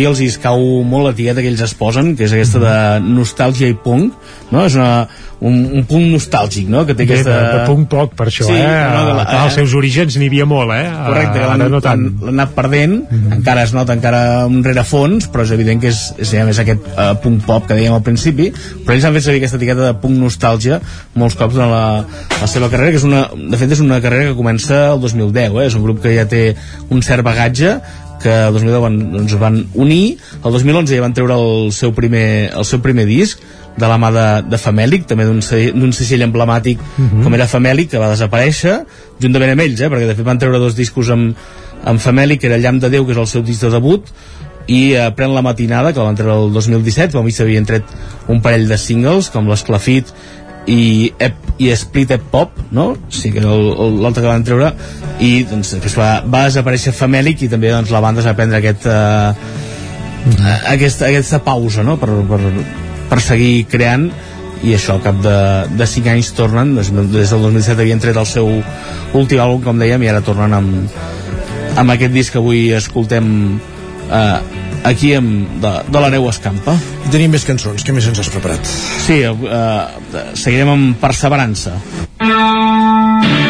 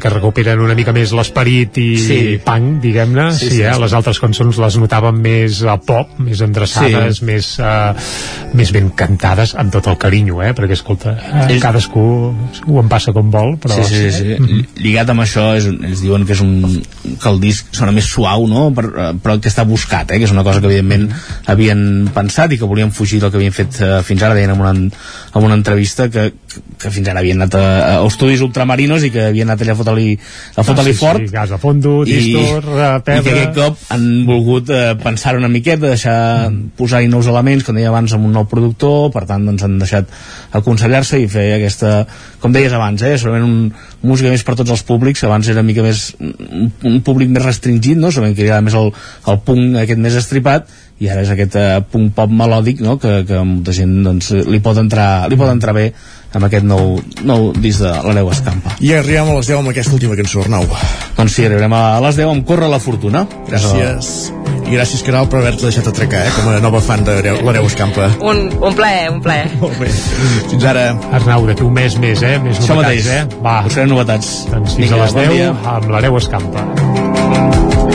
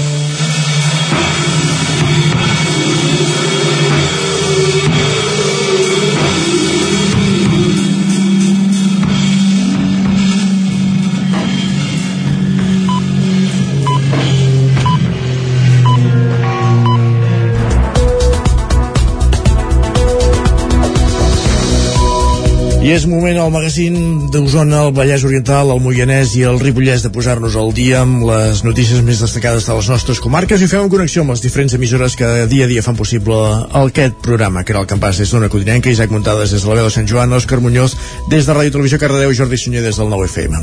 L'ONG, més, eh, com dèiem, és moment de posar-nos al dia i explicar-vos que a l'Hospital Universitari de Vic ara mateix hi ha un únic pacient amb Covid-19 a la unitat de cures intensives, a l'UCI. D'altra banda, d'aquí 10 dies es començarà inocular la quarta dosi a la gent de més de 80 anys, Jordi. Els hospitals d'Osona segueixen el mateix patró que el conjunt de Catalunya i a hores d'ara registren pocs pacients ingressats a causa de la Covid-19. A la unitat de cures intensives de l'Hospital Universitari de Vic, com bé deies el titular, ara mateix només s'hi està tenent una persona a causa del coronavirus, quan a principis del mes de maig n'hi havia tres, la mateixa xifra que quan va començar el mes de juliol. Aquesta realitat va aparellada amb una menor circulació del virus al carrer gràcies a l'efecte, sobretot, de les vacunes. Així, tot i que Osona havia arribat a presentar riscos de rebrot de més de 6.000 punts, actualment a la comarca la velocitat de propagació es troba per sota de l'1, és a dir, que la pandèmia estaria en regressió.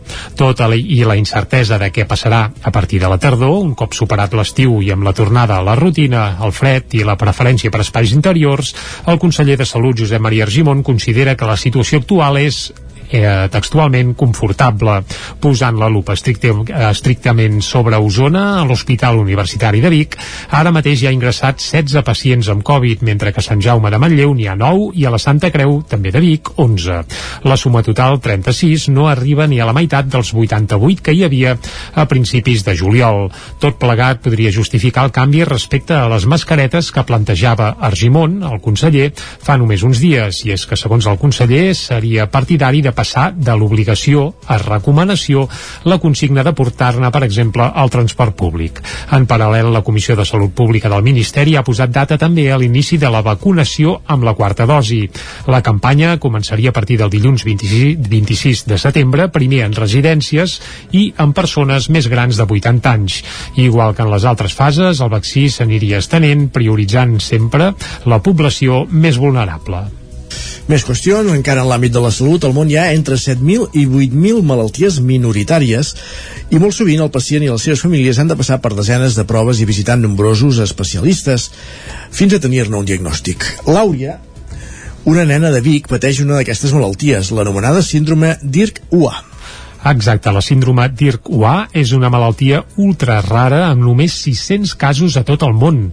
Comporta la discapacitat intel·lectual que inclou un deteriorament del desenvolupament de la parla, un trastorn de l'espectre autista i també microcefàlia. Ens ho explica Sandra Illamola, que és la mare de l'Àuria. I els tres mesos ens van enviar genètica, tot i que ja abans dels tres mesos ja ho veiem que li costava mirar, no actuava com, una, com per exemple la germana gran que havia teníem la referent.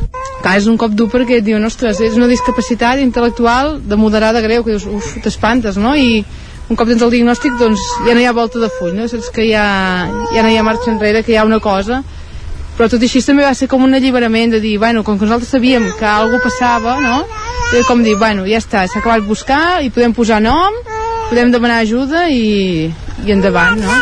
Al ser una malaltia minoritària, la família ha tingut moltes dificultats per trobar personal sanitari per poder tractar correctament a l'Àuria. Escoltem de nou a Sandra Illamola. Potser el que vivim és això, no? El fet de que anem als metges i és com que et trobes perdut en el sentit de que et diuen no, neuròlegs que han visitat tota la vida és el primer cop que la sento no? i dius, ostres és com una mica perdut en aquest sentit. I precisament aquest és un dels motius que ha portat a la família a obrir un compte d'Instagram sota el nom Caminant amb l'Àuria per donar a conèixer aquest síndrome i trencar murs contra la discapacitat. Pau Ferran, president del Partit Popular a Vic, va declarar ahir al matí al jutjat com a testimoni en el cas de la denegació per part de l'Ajuntament de la ciutat de la instal·lació d'una carpa informativa que els populars volien posar a la ciutat el passat mes de gener. El consistori no va donar permís, considerant que en plena polèmica pel 25% del castellà a l'escola, la carpa podia generar divisió i conflicte. El regidor que va signar la resolució, Albert Castells, haurà de declarar com a investigat el proper dia 4 d'octubre. Segons Ferran, el PP va decidir obrir la via penal i portar el cas a la Fiscalia per recomanació dels serveis jurídics del partit. Posteriorment, la Fiscalia va traslladar el cas al jutjat d'instrucció número 6 de Vic, que ha d'acabar determinant si el cas arriba o no a judici. Escoltem Escoltem a Pau Ferran. I nosaltres simplement volem, com que és el que, el, el que estic dient, que és eh, participar en igualtat de condicions a la resta de partits polítics a les properes eleccions municipals del, del 2023. I el que no pot ser tampoc és que aquest Ajuntament s'erigeixi ara eh, com a defensor dels drets i de les llibertats de tots els ciutadans quan precisament són ells els que conculquen, els que coarten la llibertat d'expressió de la resta de partits polítics de la ciutat. Ferran defensa que la decisió de l'equip de govern coarta la llibertat dels populars per presentar-se a les municipals del proper mes de maig. Ferran, evidentment, serà el candidat del PP a l'alcaldia de Vic. Entren a robar una llibreria infantil de Vic. L'autor del delicte, segons la Guàrdia Urbana, seria un veí de la ciutat que fa poc ha sortit de la presó, al qual ja van poder detenir l'endemà mateix. El responsable de la llibreria El Petit Tresor, situada al carrer de la Fusina de Vic, es va trobar l'establiment regirat de cap a peus divendres al matí, quan es disposava a obrir portes. De seguida va veure que havien entrat per la finestra petita que hi ha sobre un petit aparador i després de fer un cop d'ull a la botiga, l'únic que va trobar a faltar va ser un ordinador. El mateix dia, la Guàrdia Urbana ja va detenir el presumpte autor del robatori. Es tractaria d'un veí de Vic que ha sortit recentment de la presó i que fa petits furts. Des de la llibreria expliquen que en d'altres dos establiments del carrer de la Fusina, la mateixa nit, també van trobar senyals que els havien intentat entrar. Un cop superat l'espant, durant el matí de divendres, el petit tresor va col·locar-ho tot a lloc i a la tarda ja van poder reobrir l'establiment amb tota normalitat. El lladre, evidentment, no s'havia endut cap llibre. Com a molt 20 euros i un ordinador. Més qüestions, l'Escola de Cinema del Moianès presenta noves activitats extraescolars, zona codinenca, Caral Campàs. Aquesta escola, que es dedica a oferir cursos de comunicació audiovisual i sobretot cinema, torna a engegar el curs amb oferta d'extraescolars a l'Escola Pia de Mollà. Enguany, la primera classe d'aquest curset també servirà com a jornada de portes obertes. Leo de Armas, director de l'escola, explicava que la idea surt a partir d'una prova pilot feta l'any passat en aquesta mateixa escola. Sí, porque en, en la relación con las escuelas pías eh, hemos hecho algunos trabajos eh, de pedagogía para los niños pequeños a través de la cinematografía y el resultado ha sido muy, muy, muy bueno, muy sorprendente en, ese experimento que hemos hecho.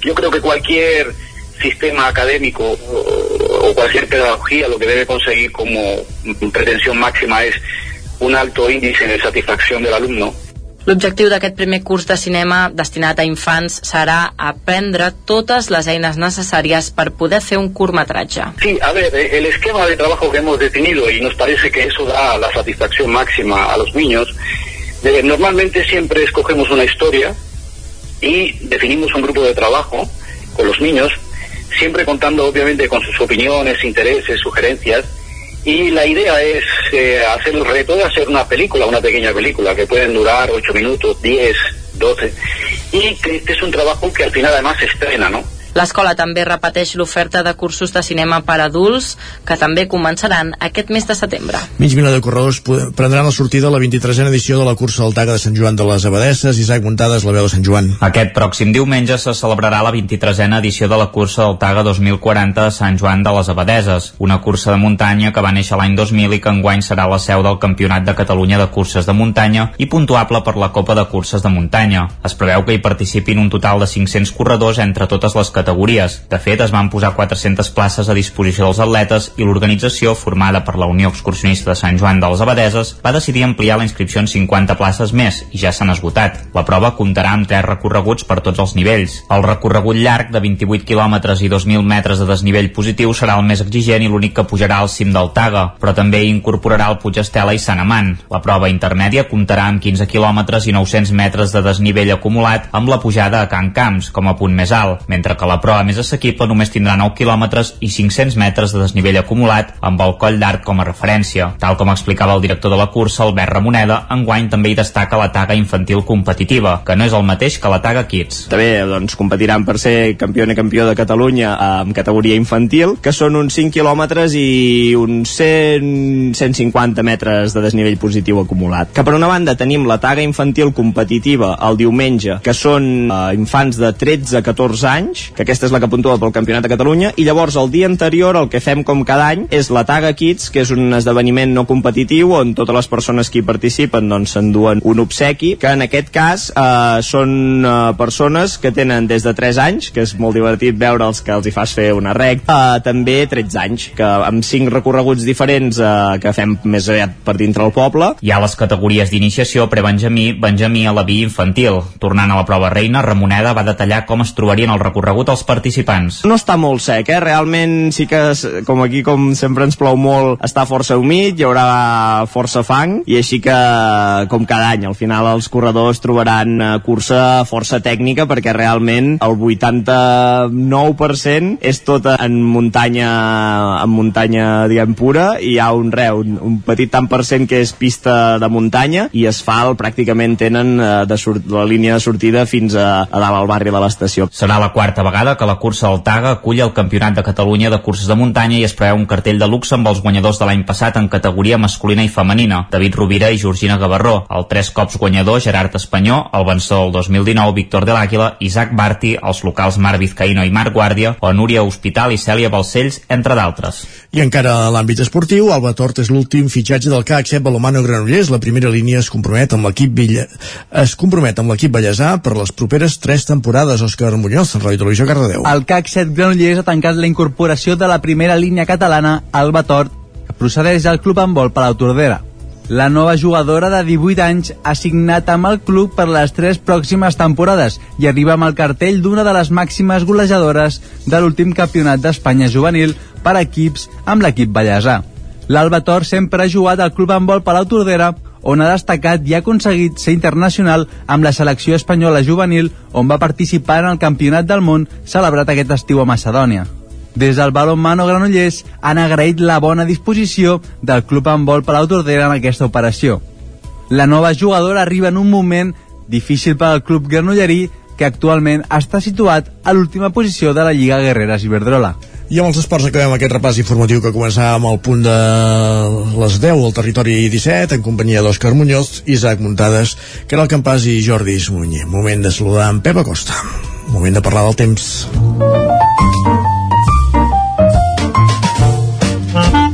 Casa Terradellos us ofereix el temps. Doncs vinga, saludem de nou en Pep Acosta. El matí ja ens ha explicat que ahir va ser un dia terrible, amb una calorada inaudita. Aviam què ens espera per avui. Bon dia de nou, Pep. Salut, Pep. Et Hola, aquí. Ara sí. molt bon dia. I bona hora, i bona hora. Avui uh, comencem el dia amb més núvols. Tenim uh, un front que ens està passant. És provocat per, per l'exhuracà Daniel, que es va, va néixer a l'Atlàntic i es va anar traslladant cap a Europa i ara el tenim gairebé a sobre eh, ja amb una perturbació, eh, una perturbació normal i corrent dels que ens agradaria que vinguessin més sovint i que fa molt que no, que no venen, eh, aquestes perturbacions atlàntiques. És una perturbació atlàntica, com deia aquest huracà, normal i corrent i ahir ja va provocar eh, en certa manera alguna petita sorpresa a la tarda vam tenir una tempesta al nord d'Osona, al Ripollès. Doncs avui, com dèiem, ens, ens està afectant ja aquesta ex, ex-huracà, aquest, ex, aquest ex-huracà.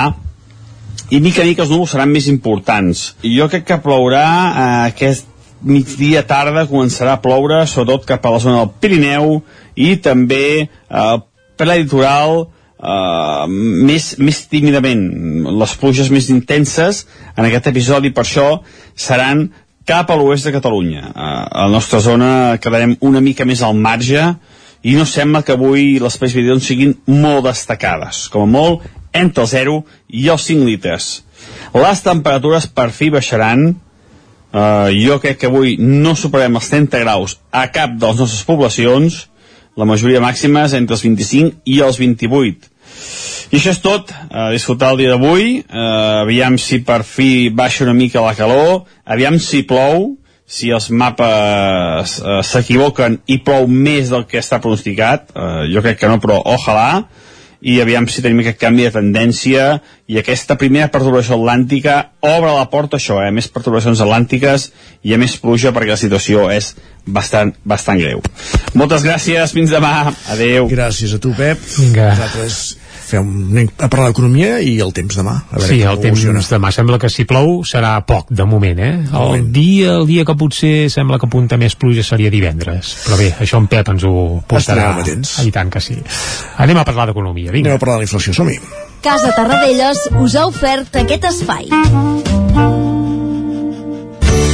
Territori 17. Envia'ns les teves notes de veu per WhatsApp al 646 079 023. 646 079 023. WhatsApp Territori 17.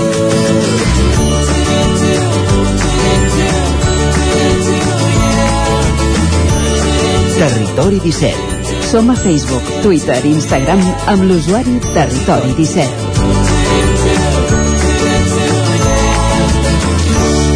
Facebook, a Twitter, a Instagram, a Twitch, a YouTube, ja ho sabeu.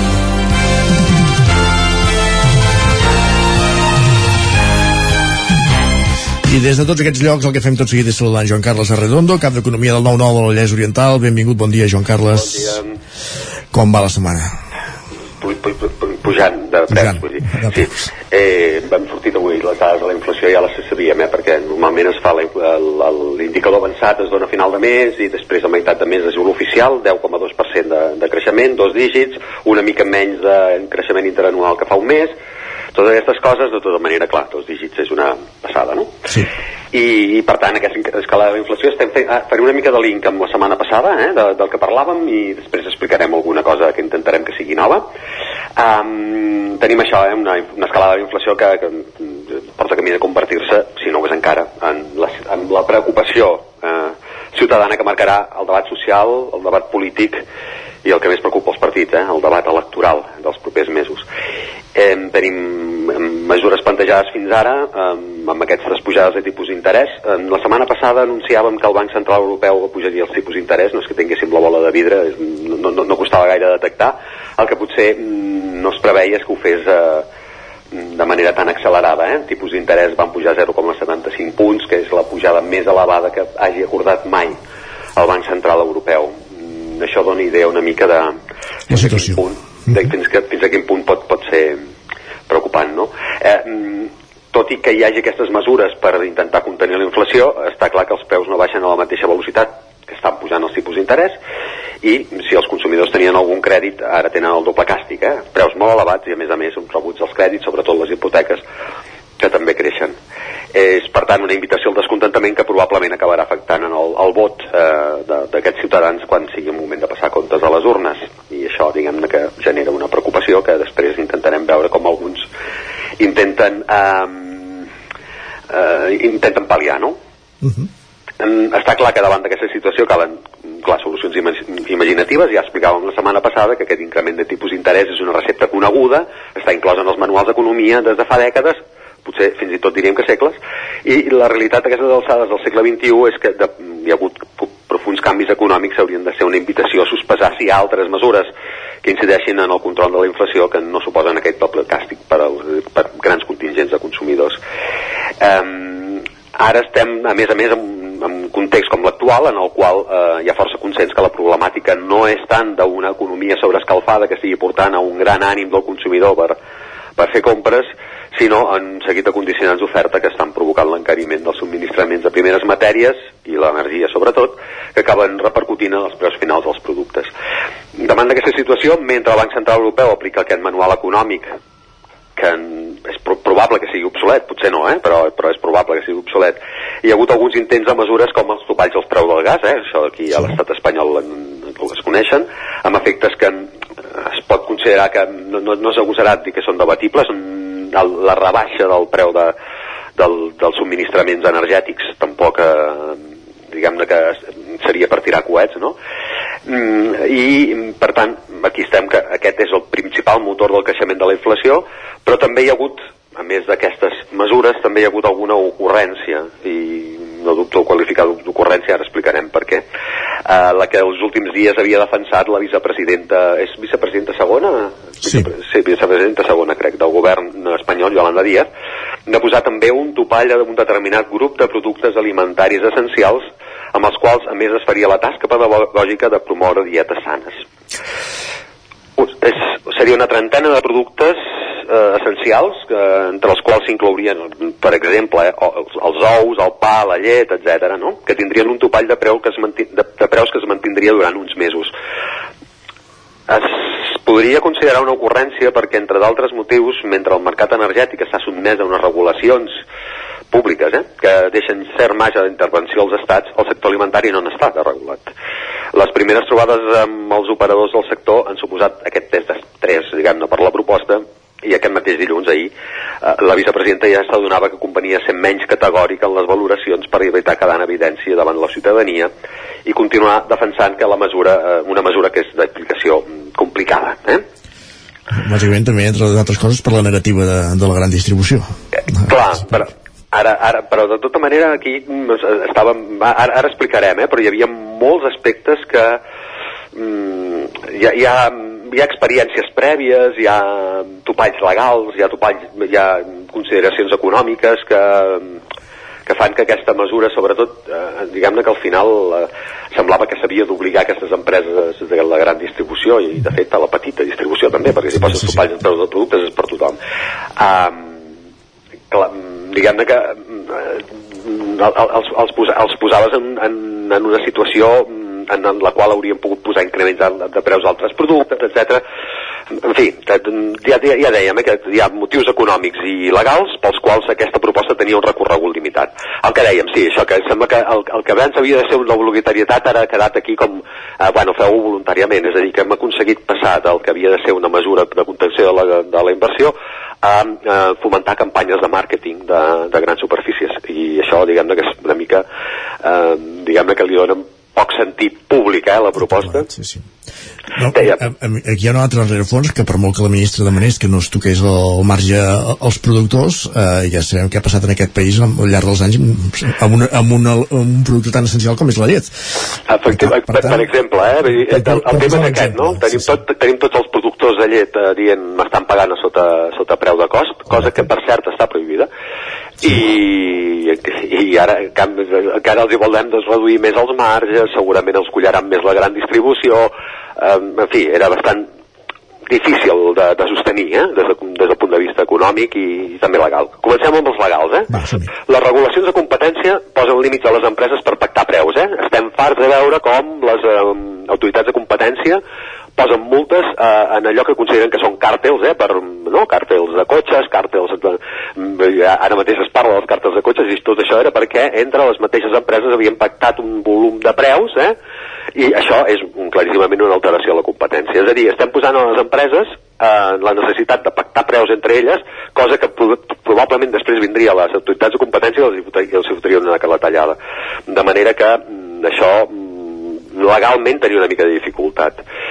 Mm, per tant, eh, estem en un punt en el qual per fer alguna regulació d'aquest tipus s'hauria d'intentar això, eh, regular públicament i també respectar les lleis de la competència, que això ve, ve ser com la quadratura del cercle i una viabilitat legal, per tant, eh?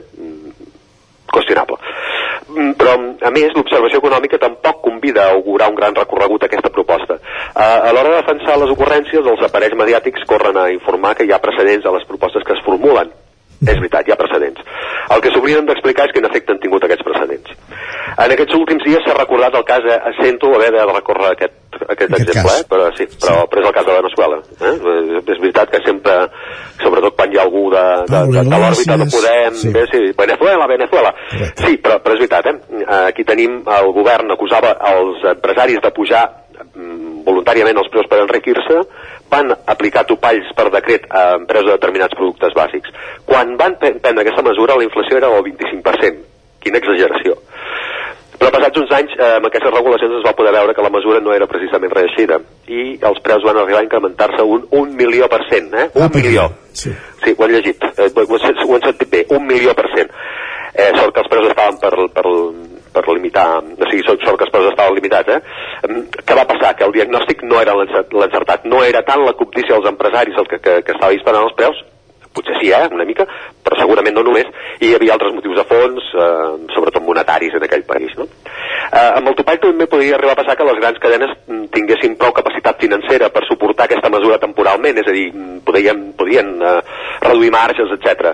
Eh, tot i que vendre per sota cos ja hem dit que està prohibit, eh? però sí. posem, posem que ho fan, eh, podrien mantenir-ho. Però això no passa en petites botigues.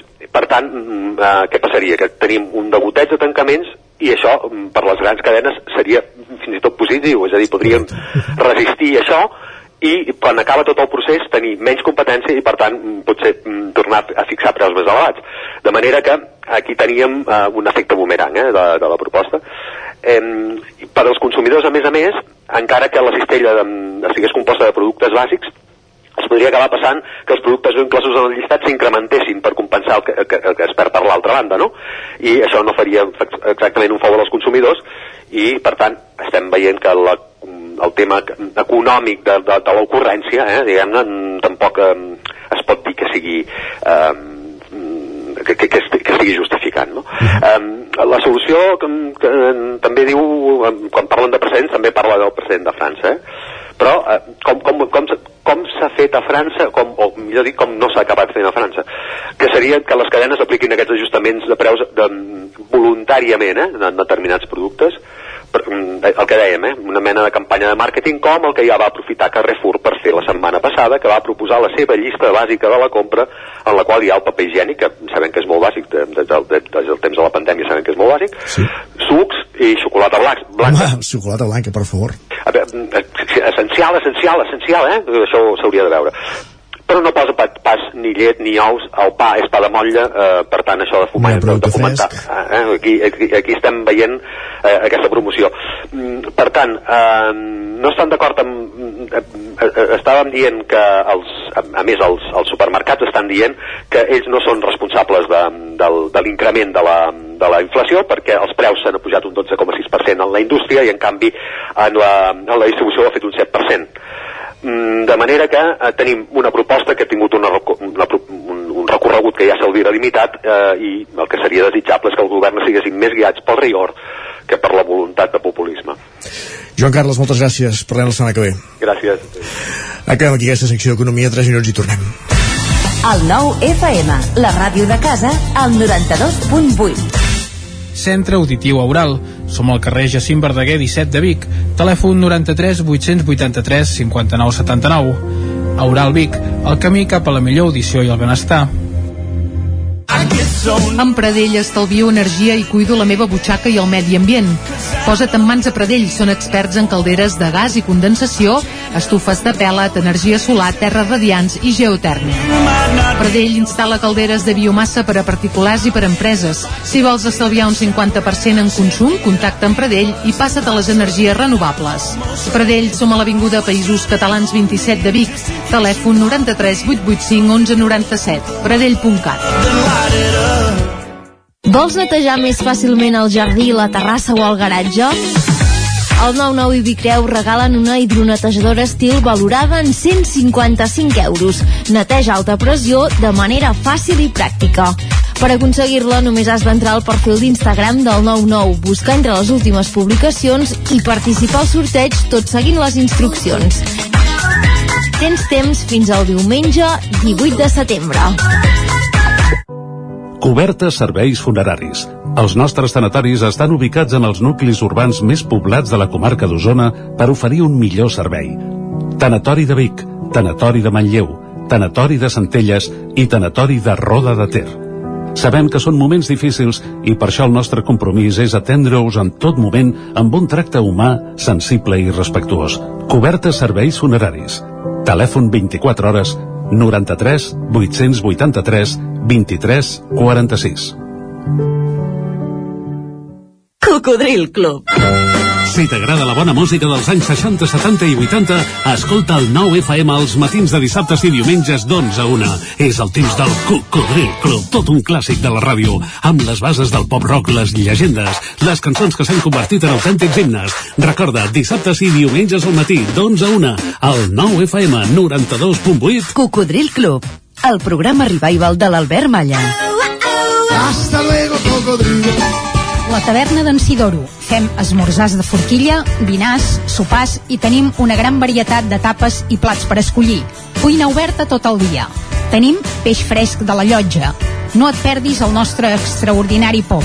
Vine a la nostra terrassa. La taverna d'en Sidoro. Som al carrer Pirineus 20 del polígon Mas Galí de Gurb. Telèfon 93 883 1689. Anuncia't al 9FM. La màquina de casa. 9 3 8 8 9 4 9 4 9. Publicitat arroba al 9FM.cat. Anuncia't al 9FM.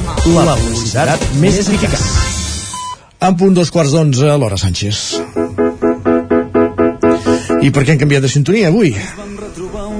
Ostres, els amics de les arts, a més, eh? Tu has de quedar amb, la, amb el protagonista de la cançó. Mor el director de cinema Jean-Luc Godard. Ah. Als 91 anys. El pare de la Novel Bach. Última hora, que alertes que estan arribant ara per tot arreu i que aprofitem la vinentesa que som l'Hora Sánchez, que és el moment de, de comentar aquest tipus d'efemèrides, doncs ho deixem dit. I ens posem al dia, clar I que tant, sí. I tant que sí.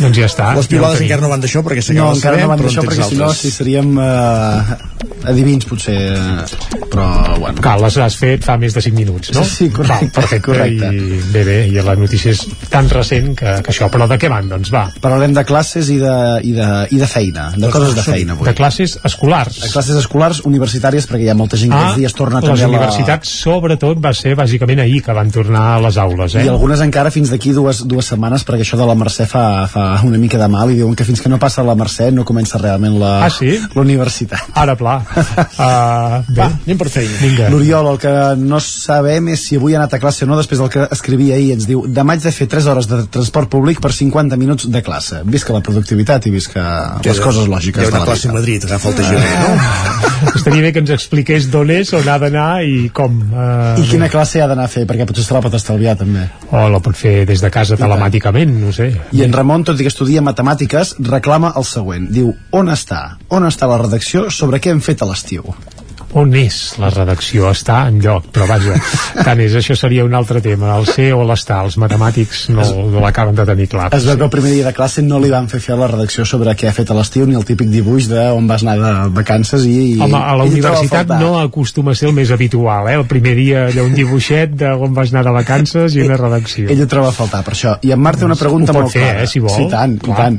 En Marc té una pregunta molt clara. Ens diu, per què? Per què els del, els del 2004 poden anar ja a la universitat? Doncs bé, perquè ens fem grans tots, perquè el temps passa i Aquest perquè... es nota que no va a matemàtiques, perquè clar, si fa quatre números ja li sortirien... I quan, Ah. I quan comença la universitat passen coses com aquestes. En Quim ens diu, primer dia d'universitat i han tardat dues hores en petar-se el pla docent i canviar el castellà para que nos entendamos todos.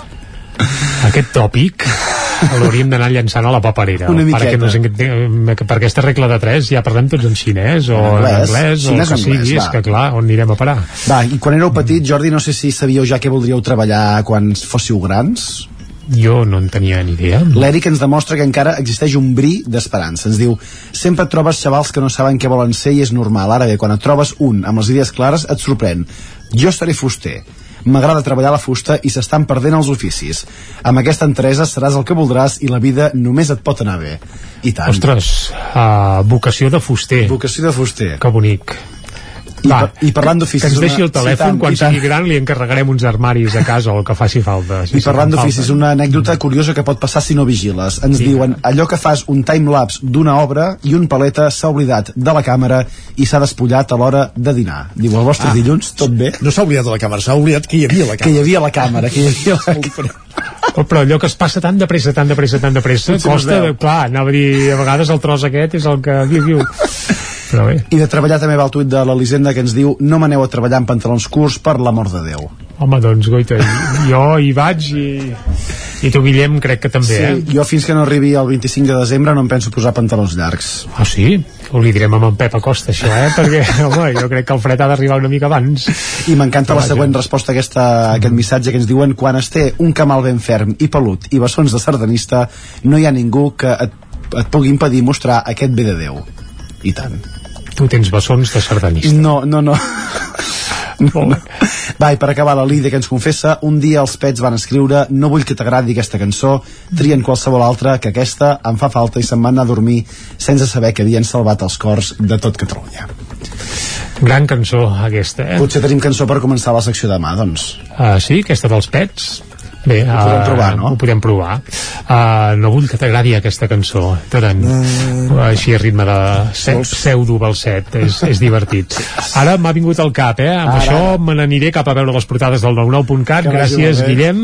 Va, Uh, les portades no hi apareixen els pets, sinó que en el cas del 99.cat del Vallès Oriental, qui apareix és Pere Pla de Vall, exalcalde de Sant Feliu de Codines, que ha confirmat que tornarà a ser cap de llista per a les municipals del 2023. A Sant Feliu hi ha caliu en aquest sentit, ja, eh, de cara a les municipals. Ho, ho, seguirem, evidentment, aquí a Territori 17. També el Vallès Oriental es queda sense connexió directa per tren amb l'aeroport per les obres que hi ha a la Sagrera i Granollers engegarà la recollida d'oli domèstic per barris a partir de l'octubre. I goita, i de fons ja estem escoltant uh, la cançó dels pets a la qual feia referència a Guillem, el Guillem, eh? Per tant, ja els deures que s'havia posat per demà ja els tenim resolts en 10 segons. Això és uh, fer via. Va, acabem, sí. que ens espera el Va, cop d'ull al 99.cat d'Osona i el Ripollès. El titular principal és per una entrevista a Ventura Durall, el director de la pel·lícula de Chirinacs, que suposo, Isaac, que ja vas veure, sí. i diu que la pel·lícula ens hauria de dur a una reflexió general sobre quan, com i on morir. I segurament té tota la raó. Més coses. Un milió de l'euro milió ens toca a Vic, ens n'hem fet ressò el butlletí a primera hora del matí, i el Voltregà planta cara al Liceu en l'inici de l'hoquei Lliga, però al final no va puntuar. Perfecte, gràcies Jordi, anem De al res. territori dona, com dèiem. Anem-hi. Territori 17. El 9 FM, la veu de Sant Joan, Ona Codinenca, Ràdio Cardedeu, Territori 17.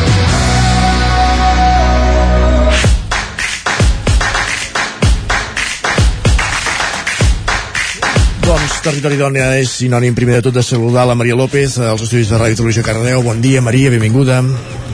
Hola, molt bon dia, com estem? Bé, i vos? Doncs aquí, aquí preparada per tornar, tornar a posar debat sobre la taula, que és el que, el que ens agrada una mica també aquí a les companyes de, de Territori 17 i a mi, perquè tornem, tornem amb un nou Territori Dona, aquesta tertúlia que organitzem entre totes i que té la intenció clara de posar aquí sobre la taula els debats diaris al voltant de la, de la lluita feminista i com no podia ser d'una altra manera, Isaac, eh, avui comptarem també amb la resta de companyes de Territori 17. Des del Nou Ràdio comptarem amb la Txell Villamala. Bon dia, Txell. Hola, bon dia. Bon, Bon dia. dia. I des d'Ona Codinenca ens acompanya la Caral Campàs. Bon dia, Caral. Hola, què tal? Què tal? Doncs així, si et sembla, Isaac, som-hi amb el territori, amb el territori dona d'avui, perquè avui volem parlar de polítics que surten de festa, de judicis morals i dels diferents punts de vista segons si la persona que protagonitza aquestes festes és home o dona. Així que, si us sembla, arrenquem. Doncs com us dèiem fa un momentet, avui volem parlar de farres, però més que de les festes en si, del que volem parlar és del judici moral que se'n fa segons qui és la persona que surt de festa. I és que una altra de les notícies que saltava als mitjans i les xarxes socials durant aquest estiu era l'escàndol per uns vídeos que van sortir a la llum de la Sanna Marin, primera ministra de Finlàndia. I per contextualitzar una miqueta aquesta nova tertúlia d'avui, la Txell ens il·lumina una miqueta, explica'ns què ha passat aquest estiu amb la primera ministra de Finlàndia. Uh, sí, de fet, uh, és un dels casos sonats uh, de l'estiu, com bé deies, Maria va revolucionar la segona quinzena d'agost i és que es va filtrar aquest vídeo a través de les xarxes socials on es veia la primera ministra finlandesa, la senyora Sanna Marin, doncs en context de festa, uh, Maria Caral, fent coses que molts de nosaltres segur que hem experimentat en primera persona, ballar, riure, fer ganyotes davant de càmera amb els amics, cantar agafats per les espatlles... Bé, el vídeo original era d'una festa de Marin durant les seves vacances i es va publicar en un grup tancat d'Instagram amb menys d'un centenar de membres, del qual ell evidentment també forma part, però també ja se sap que les xarxes socials, els grups privats, ho són poc de privats i en molt poc temps aquest vídeo es va difondre en públic i això, eh, tractant-se de la primera ministra finlandesa, doncs ho va fer servir l'oposició com a arma política. El cas és encara una mica més complex perquè al vídeo s'hi sent la paraula i que em disculpin els finlandesos si és que n'hi ha algun que està escoltant al territori 17 però s'hi sent la paraula Hauho Genji eh, que vol dir, literalment, uh, la colla de la farina, i ja que al seu moment va considerar que es podia donar a entendre que durant la festa s'havia consumit cocaïna. Això després que l'oposició també... també... el teu accent, eh? Haig de dir que ho has pronunciat, m'has deixat, però quan has dit, ho has anat a dir, dic, a veure, això, molt bé, eh? Molt bé. No m'hi facis tornar, eh? Però, Maria, ja ho he dit una vegada. La tenies preparada. Us he explicat què vol dir, per tant, ja està fet. doncs, eh, el fet que se sentís aquesta expressió, això, eh, va portar l'oposició a demanar a la senyora Marin doncs, que es fes un test de drogues i que, a més a més, eh, donés a conèixer el resultat en públic. El test va donar negatiu i ella, des, de, des del primer moment, doncs, va, va estar disposada a fer-se'l. I llavors, eh, perquè tinguem també una mica més de context, dir-vos també que la Sana Marin, que ara té 36 anys, eh, va néixer a Helsinki i els seus pares es van separar quan ella era molt petita. De fet, ella la va criar la seva mare i la seva nòvia. Sí, uh, Marin és filla d'una parella de dones lesbianes, va estudiar Ciències Administratives i el 2019 es va convertir en la primera ministra més jove del món, de tot el món, uh, llavors tenia 34 anys. També m'ha semblat interessant de destacar i crec que és important doncs, reivindicar-ho des dels que fem uh, comunicació de proximitat, des dels mitjans de comunicació local, que ella va fer les primeres passes en política al seu ajuntament, va començar entre els 26 i els 27 anys i a partir d'aquí sí que és veritat que va iniciar una mena de carrera uh, meteòrica, podríem dir, que en molt poc temps doncs, la va portar a la segona vicepresidència del seu partit, que és el Partit Socialdemòcrata, a diputada al Parlament de Finlàndia, uh, llavors a ministra de Transport i Comunicacions, i com dèiem, des del desembre de l'any 2019 doncs, ocupa el càrrec de primera ministra. Ara de seguida ho posarem a debat. Uh, per mi, la Sana Marin és un símbol de feminització de la política. De fet, és superinteressant si algú té interès de recuperar més dades biogràfiques seves. Ara mateix lidera un govern on 12 dels 19 membres són dones i Uh, preparant-me preparant aquesta secció encara pensava que no entenc uh, perquè es va haver de sotmetre a un test de drogues. Em sembla un atac flagrant a la seva intimitat. I també em pregunto exactament què és el que va fer malament, si és això de ballar en una festa si és abraçar-se amb els seus amics uh, si és cantar agafats per les espatlles. No sé quin problema hi ha que es pugui divertir un càrrec públic. I també em pregunto uh, com interfereix això en l'exercici de les seves funcions perquè recordem que per exemple la senyora Marin uh, ha destacat per la gestió que va fer de la pandèmia del coronavirus. Llavors, mm, el que us volia plantejar, Maria i Caral, és això, perquè una dona eh, competent, preparada, eh, que ha superat doncs, tants obstacles per arribar on està, ha d'enfrontar-se a aquesta mena d'episodis que segur que com, compartireu amb mi, que esgoten, desgasten i, i cansen eh, realment. No sé com ho, com ho veieu vosaltres. Jo crec que aquí has dit uh, les paraules claus, és dona i és jove i crec que això és de les, de les coses que per norma ja en un càrrec polític o més enllà fins i tot en càrrecs de, de responsabilitat, en càrrecs directius, una dona i jove és com que la gent no ho sap uh, vincular o li costa vincular-ho a la responsabilitat, a l'autoritat, hi ha una sèrie de conceptes que, que se suposa que fan falta a l'hora de dirigir o de prendre decisions, no? I això és un estigma que crec que, que s'ha d'anar trencant i que segurament la, la Sana Marin sense adonar-se'n està fent molt per trencar precisament aquests, aquests estigmes i, i, i posant a, a la taula el debat. Jo aquest matí també, doncs, allò per recuperar una mica el tema, ja l'havia vist, però aquest matí me l'he tornat, me l'he volgut tornar a veure, que és aquest vídeo que es va fer viral per intentar entendre d'alguna manera eh, quin problema hi havia, no?, aquell vídeo, a més, a, a part de, de la polèmica que pugui o de les ments que puguin anar més enllà amb la, aquesta frase que has dit tu també en finlandès de la colla de la farina. Eh, més enllà és que veus el vídeo? O sigui, jo et puc ensenyar la meva galeria i, i tinc segurament de 50-60 vídeos exactament igual.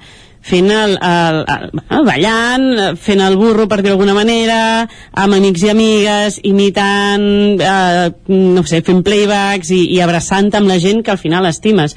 I, i tots tenim, tots i totes tenim a la nostra galeria moltíssims vídeos d'així. Què se suposa? Que en el moment en què tens un càrrec que t'has guanyat a pols, t'has guanyat treballant, t'has guanyat durant temps, has de deixar de fer aquestes coses? Se suposa que ja no et pots divertir, ja no pots tenir amics, se suposa que has d'estar 24 hores dedicada al, al càrrec? Uh, evidentment, crec que no, i, i em sembla exagerat el judici que es va fer amb aquesta, a la primera ministra i crec que va totalment lligat al fet de ser dona i ser jove. I precisament amb, amb aquestes dues característiques he volgut uh, fer una mica de comparativa i tirar de, de maroteca per, per buscar casos similars. I una cosa que m'ha sorprès molt és que el primer cas de tots que he trobat fa tan sols 10 dies i jo personalment no l'havia vist, no l'he vist a cap mitjà més que rebuscant Uh, i la qual cosa ja em fa sospitar. Potser vosaltres sí que l'havíeu vist. Però he trobat uh, el cas de l'Àlex Flores que és un senador colombià que fa tot just 10 dies ha aparegut un vídeo on anava, evidentment, eh, molt begut, i a més a més s'enfrontava a un cos de seguretat, no sé si era policia o la seguretat d'un hotel, uh, i va haver-hi un enfrontament bastant gran i la va liar una mica i bé, eh, coses que realment ja s'anaven més que d'estar de festa amb els teus amics o sigui, hi havia un enfrontament directament amb l'autoritat i anava molt begut i amb evidència això davant l'opinió pública, evidentment la gent li ha demanat explicacions, més per la part segurament delictiva que no per, per que també, eh, pel fet de veure el begut, doncs la gent també ha opinat. Però el curiós és que ell, la seva resposta ha sigut més aviat el Uh, no m'empenedeixo gens, em tornaria a enfrontar i és normal que els homes beguts en un moment donat tinguem enfrontaments d'aquest tipus. Jo, uh, més enllà d'haver-ho buscat avui, no havia vist aquest, aquest vídeo, ni aquestes opinions, ni res d'això, a cap lloc no sé si vosaltres havíeu sentit aquesta notícia, però em sembla una comparativa molt evident com en qüestió de en el cas de la Sana Marin s'ha posat, eh, s'ha debatut, hi ha hagut molta polèmica i tal, quan al final està amb el seu grup d'amics, en canvi en aquest cas que hi ha un enfrontament directe a l'autoritat, eh, jo pràcticament ni n'havia sentit a parlar. Buscant altres exemples, eh, precisament tu deies ara, Txell, el tema de que la, la primera ministra havia destacat eh, molt per la seva gestió durant la pandèmia, i altres que van fer tot el contrari, que és precisament organitzar les festes més top de la història durant la pandèmia. Conegut el cas de la festa del Confidencial, on la, la política dreta espanyola va estar en una festa de més de 150 convidats, que sembla que també es va anar bastant de mare, o alguna altra festa, també al Regne Unit, on també durant la pandèmia doncs, han sortit posteriorment vídeos de, de festes bastant interessants als polítics del Regne Unit durant, durant la pandèmia. Tothom deia després que s'havien seguit les mesures de seguretat, no sé jo quines meses de seguretat es segueixen una festa amb més de 200 persones quan tothom està confinat, però, vaja, allà està. Si el problema és el ball, eh, també tenim aquí coneguts moments, com el de Iceta amb el seu moment Queen en plena campanya, el del matrimoni Obama, que era coneguts per, pel seu art ballant, i en concret durant una festa de Halloween van muntar una coreografia de thriller per donar la benvinguda als seus convidats, o Esperanza Aguirre a l'Hormiguero. Però està clar que el problema no és del tot el ball, sinó la festa.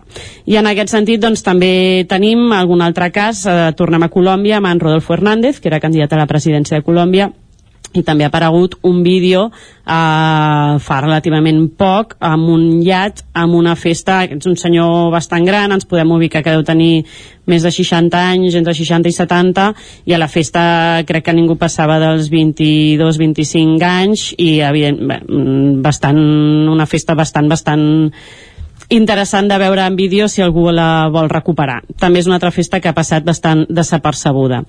Però jo tinc un record molt emotiu sobre eh, el senyor Mariano Rajoy ballant el Puma donant-ho tot una nit de cap d'any. No sé si heu vist aquest vídeo.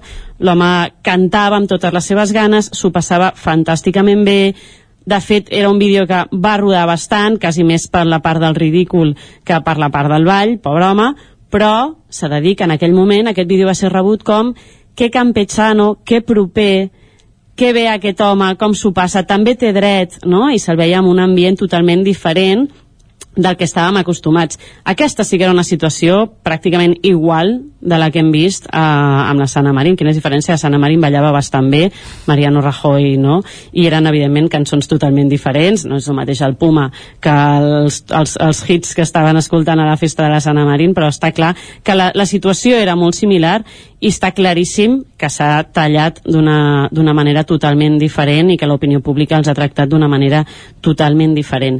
I per acabar, volia posar també sobre aquesta comparativa, sobre la taula, algunes de les, dels moments d'oci que hem viscut també aquí més propers, que és el cas que li ha passat a l'Ada Colau. Més enllà de la- de l'opinió que té la gent envers ella per la seva política, sí que és veritat que les seves festes, eh, algun vídeo que ha sortit, ella va ben amb amics en algun bar, o amb una festa post dia de festa de l'orgull eh, doncs també han donat molt que parlar i tornem aquí a valorar com de diferent s'ha tractat a l'Ada Colau si la comparem amb en Mariano Rajoy i quan té a veure la seva política o quan té a veure el fet de que siguin dones i joves. És que ho, ho expliques molt bé, Maria, perquè és això que encara que costi d'admetre-ho i, i fins i tot que soni antiquat, um, és veritat que solem identificar el lideratge polític amb característiques, això, la competició, la fortalesa, la resolució, la determinació, no? Tots ells són trets o qualitats que tendim a associar en major mesura amb rols socials masculins, però a més a més d'homes blancs i d'una determinada edat, no? Es tracta d'atributs que segurament, eh, com dir-ho, no, no lliguen amb els rols socials més típicament associats a la dona, com ara l'afectivitat, la proximitat, eh, l'empatia... Llavors, és el que expliques tu, eh, aquest lideratge femení de Marin eh, trenca aquests molles perquè a més a més ella és, és jove, eh, té la imatge d'una dona que, que no dissimula precisament aquesta seva joventut i que sense cap vergonya, en certa manera, busca aquesta connexió doncs, també amb l'electorat més jove, no? eh, transmetent que no cal amagar la cara més, més humana dels polítics. I tot això fa que, que, que s'allunyi dels cànons establerts en política i al final, perquè, perquè el que fa segurament és pretendre viure com una persona de la seva edat, no? Uh, vull dir, al final va prendre possessió del càrrec amb 34 anys i és una dona doncs, que reivindica la importància de també la desconnexió laboral, la conciliació i això, poder-se divertir al final sense complexos i no fent res mal fet, no? Com feia Mariano Rajoy amb el Vall del Puma. Clar, eh, entenc que això aixequi butllofes entre els que encara s'aferren a una idea de política anquilosada, eh, encurada al segle XX, eh, però quina sort, no?, que cada vegada més doncs, hi hagi aquests lideratges femenins. Mm, Caral, tu a més a més has fet una mica més de- d'anàlisi quasi, no?, de la, de la visió social en aquest, en aquest sentit. Mm. Um, com, tal com, com bé dieu i comentàveu um, um, destacar en política i ser dona um, és complicat i per tant la Sana Marín uh, ha treballat molt, ho apuntava la Txell també uh, per convertir-se el 2019 en la primera ministra més jove del món amb 34 anys uh, i, i relacionat amb això i en posicions de, de poder um, dones en posicions uh, així destacades uh, i mirant, fent una ullada a les xifres eh, es fa palpable i es fa present una desigualtat eh, de gènere eh, això pel que fa a persones que ocupen posicions de poder us en, us en detallo algunes. Um, a nivell mundial els escons dels parlaments uh, un 24% són ocupats per dones. Uh, una, una dada que s'accentua negativament encara més a nivell local on un 5% els càrrecs polítics són ocupats uh, per dones en, en municipis. Um, pel que fa així a més a, a països a, a, a l'octubre del 2017 a 11 dels 193 països membres de les Nacions Unides uh, una dona era cap d'estat i en 12 d'ells una dona era cap de govern uh, segons un estudi de, de l'ONU. Um, i, i, i val, vull destacar també i a nivell ja potser més positiu i curiosament um, la Sana Marin és, és de, de Finlàndia un país nòrdic i és un país que, que és dels més destacats per tenir um, doncs, més uh, igualtat pel que fa doncs, a representació de gènere. A nivell parlamentari Uh, no concretament Finlàndia però sí que a nivell del global dels països nòrdics uh, s'acosten a, a una representació gairebé igual. Les dones uh, constitueixen un 41% dels parlaments de, de cambra única. Um, és, és una xifra doncs, que parlaria positivament del, dels països nòrdics i, i que, de, del qual forma part doncs, la, la Sana Marín i després també us volia comentar que en, en totes les altres regions menys de 3 de cada 10 parlamentaris parlamentaris són dones, uh, un 28,5% als Estats Units, un 26% a Europa, amb exclusió, com us deia, dels països nòrdics, un 24% a l'Àfrica subsahariana, un 19% a Àsia, un 18% al Pacífic i un 17,5% als estats àrabs. Segons aquestes xifres són segons un estudi de la Unió Interparlamentària del 2017.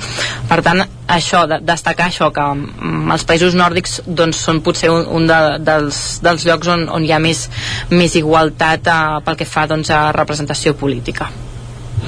Jo no sé si com ho veieu, però segons anaves parlant ara de, de càrrecs que hi ha, a part de poca quantitat, eh, jo tinc una mica la sensació que les dones que han arribat moltes vegades a tenir els càrrecs polítics eh, tendeixen a un rol a, a, diguéssim, a masculinitzar el seu rol perquè sembla que és l'única manera de guanyar cert respecte dins el món de la política. Estem parlant de, de perfils de, de... No sé, ara em ve... No em ve cap nom al cap, eh? Però, però sí que el, el, normalment crec que hi ha aquesta tendència no? per part de la dona a posar-se en un, un rol més masculinitzat com per, per encaixar quan precisament potser algunes de les coses que necessitaria la política és feminitzar-la, en molts sentits, no? Potser fer-la més humana, tenir més masquerra moltes vegades, més capacitat de, de negociació, que moltes vegades és una cosa, o de lidiar de, de certes característiques que moltes vegades s'associen més a, al caràcter eh, fem, femení, que això per mi voldria dir feminitzar la política, i tinc la sensació que la tendència és tota la contrària, no?, per, per aconseguir mantenir un càrrec allà. Sí, i segurament això, molta més cooperació que no competició. I ara que deies d'exemples, eh, ostres, potser caldria fer una anàlisi més a fons, no?, però potser Isabel Díaz Ayuso respon bastant a aquesta manera de a dones que arriben a altes esferes polítiques i i, acaben eh, perpetrant uh, aquesta manera de fer política típicament masculina, i ho dic en el sentit... Merkel? Uh, per dir un nom així, que segurament són líders uh, relativament, o, o a mi em sembla, eh, des del meu punt de vista, això és subjectiu, però força agressives i que justament busquen més aquesta part competitiva que no cooperativa, uh, tant uh, dins mateix del seu partit com amb la resta de partits polítics quan toca fer enfrontament i, i debatre. Sí, a mi em ve al cap uh, un exemple contrari i, i com mm, segons la meva opinió més, més positiu d'aquestes um, dones um, doncs que tenen poder uh, i que no són no, no agafen aquest rol com tan agressiu. Uh, i ara no estava fent una cerca perquè no me'n recordo el nom però és una política estatunidenca molt jove també. Um, i bé, és una tia amb molt carisma i que sobretot és això, es postula defensa um, posicions d'esquerres i, i ella és molt propera, molt, molt tranquil·la, molt, i sobretot molt present a les xarxes socials com a, com a persona jove i que pot també intentar, doncs, sobretot a un país com, com és Amèrica, doncs, portar um, una visió així més, més feminitzada. Caral, això ens, ens ho has de deixar de deures, eh? La pròxima setmana ens dius el nom. M'agrada això del període. Sí, sí, jo estava pensant ara, dic, a veure si em dóna i... temps de buscar-lo. Ostres, fixem-nos en les coses positives que es fan bé i difonguem aquestes i també és interessant, no? No fixar-nos només en el que no va bé. Totalment, doncs des del territori de dona d'avui hem fet aquesta petita defensa de, de l'Anna, la Sana Marin, diguem obertament, perquè evidentment la política, si la volem feminitzar, és per alguna cosa i, i aquí queda la nostra, la nostra petita intenció. I em deixareu tancar amb un green red flag que fa dies que, que no molt fem. uh, i així molt ràpid us diré que és que han tancat uh, diguem, un green flag per les xarxes socials que han tancat les comptes de l'influencer masclista Andrew Tate, no sé si ho pronuncio bé un influencer dels Estats Units que en el seu moment ja li van tancar Twitter el 2017 per dir algunes perles com que les dones havien d'assumir la seva responsabilitat després de patir una agressió sexual.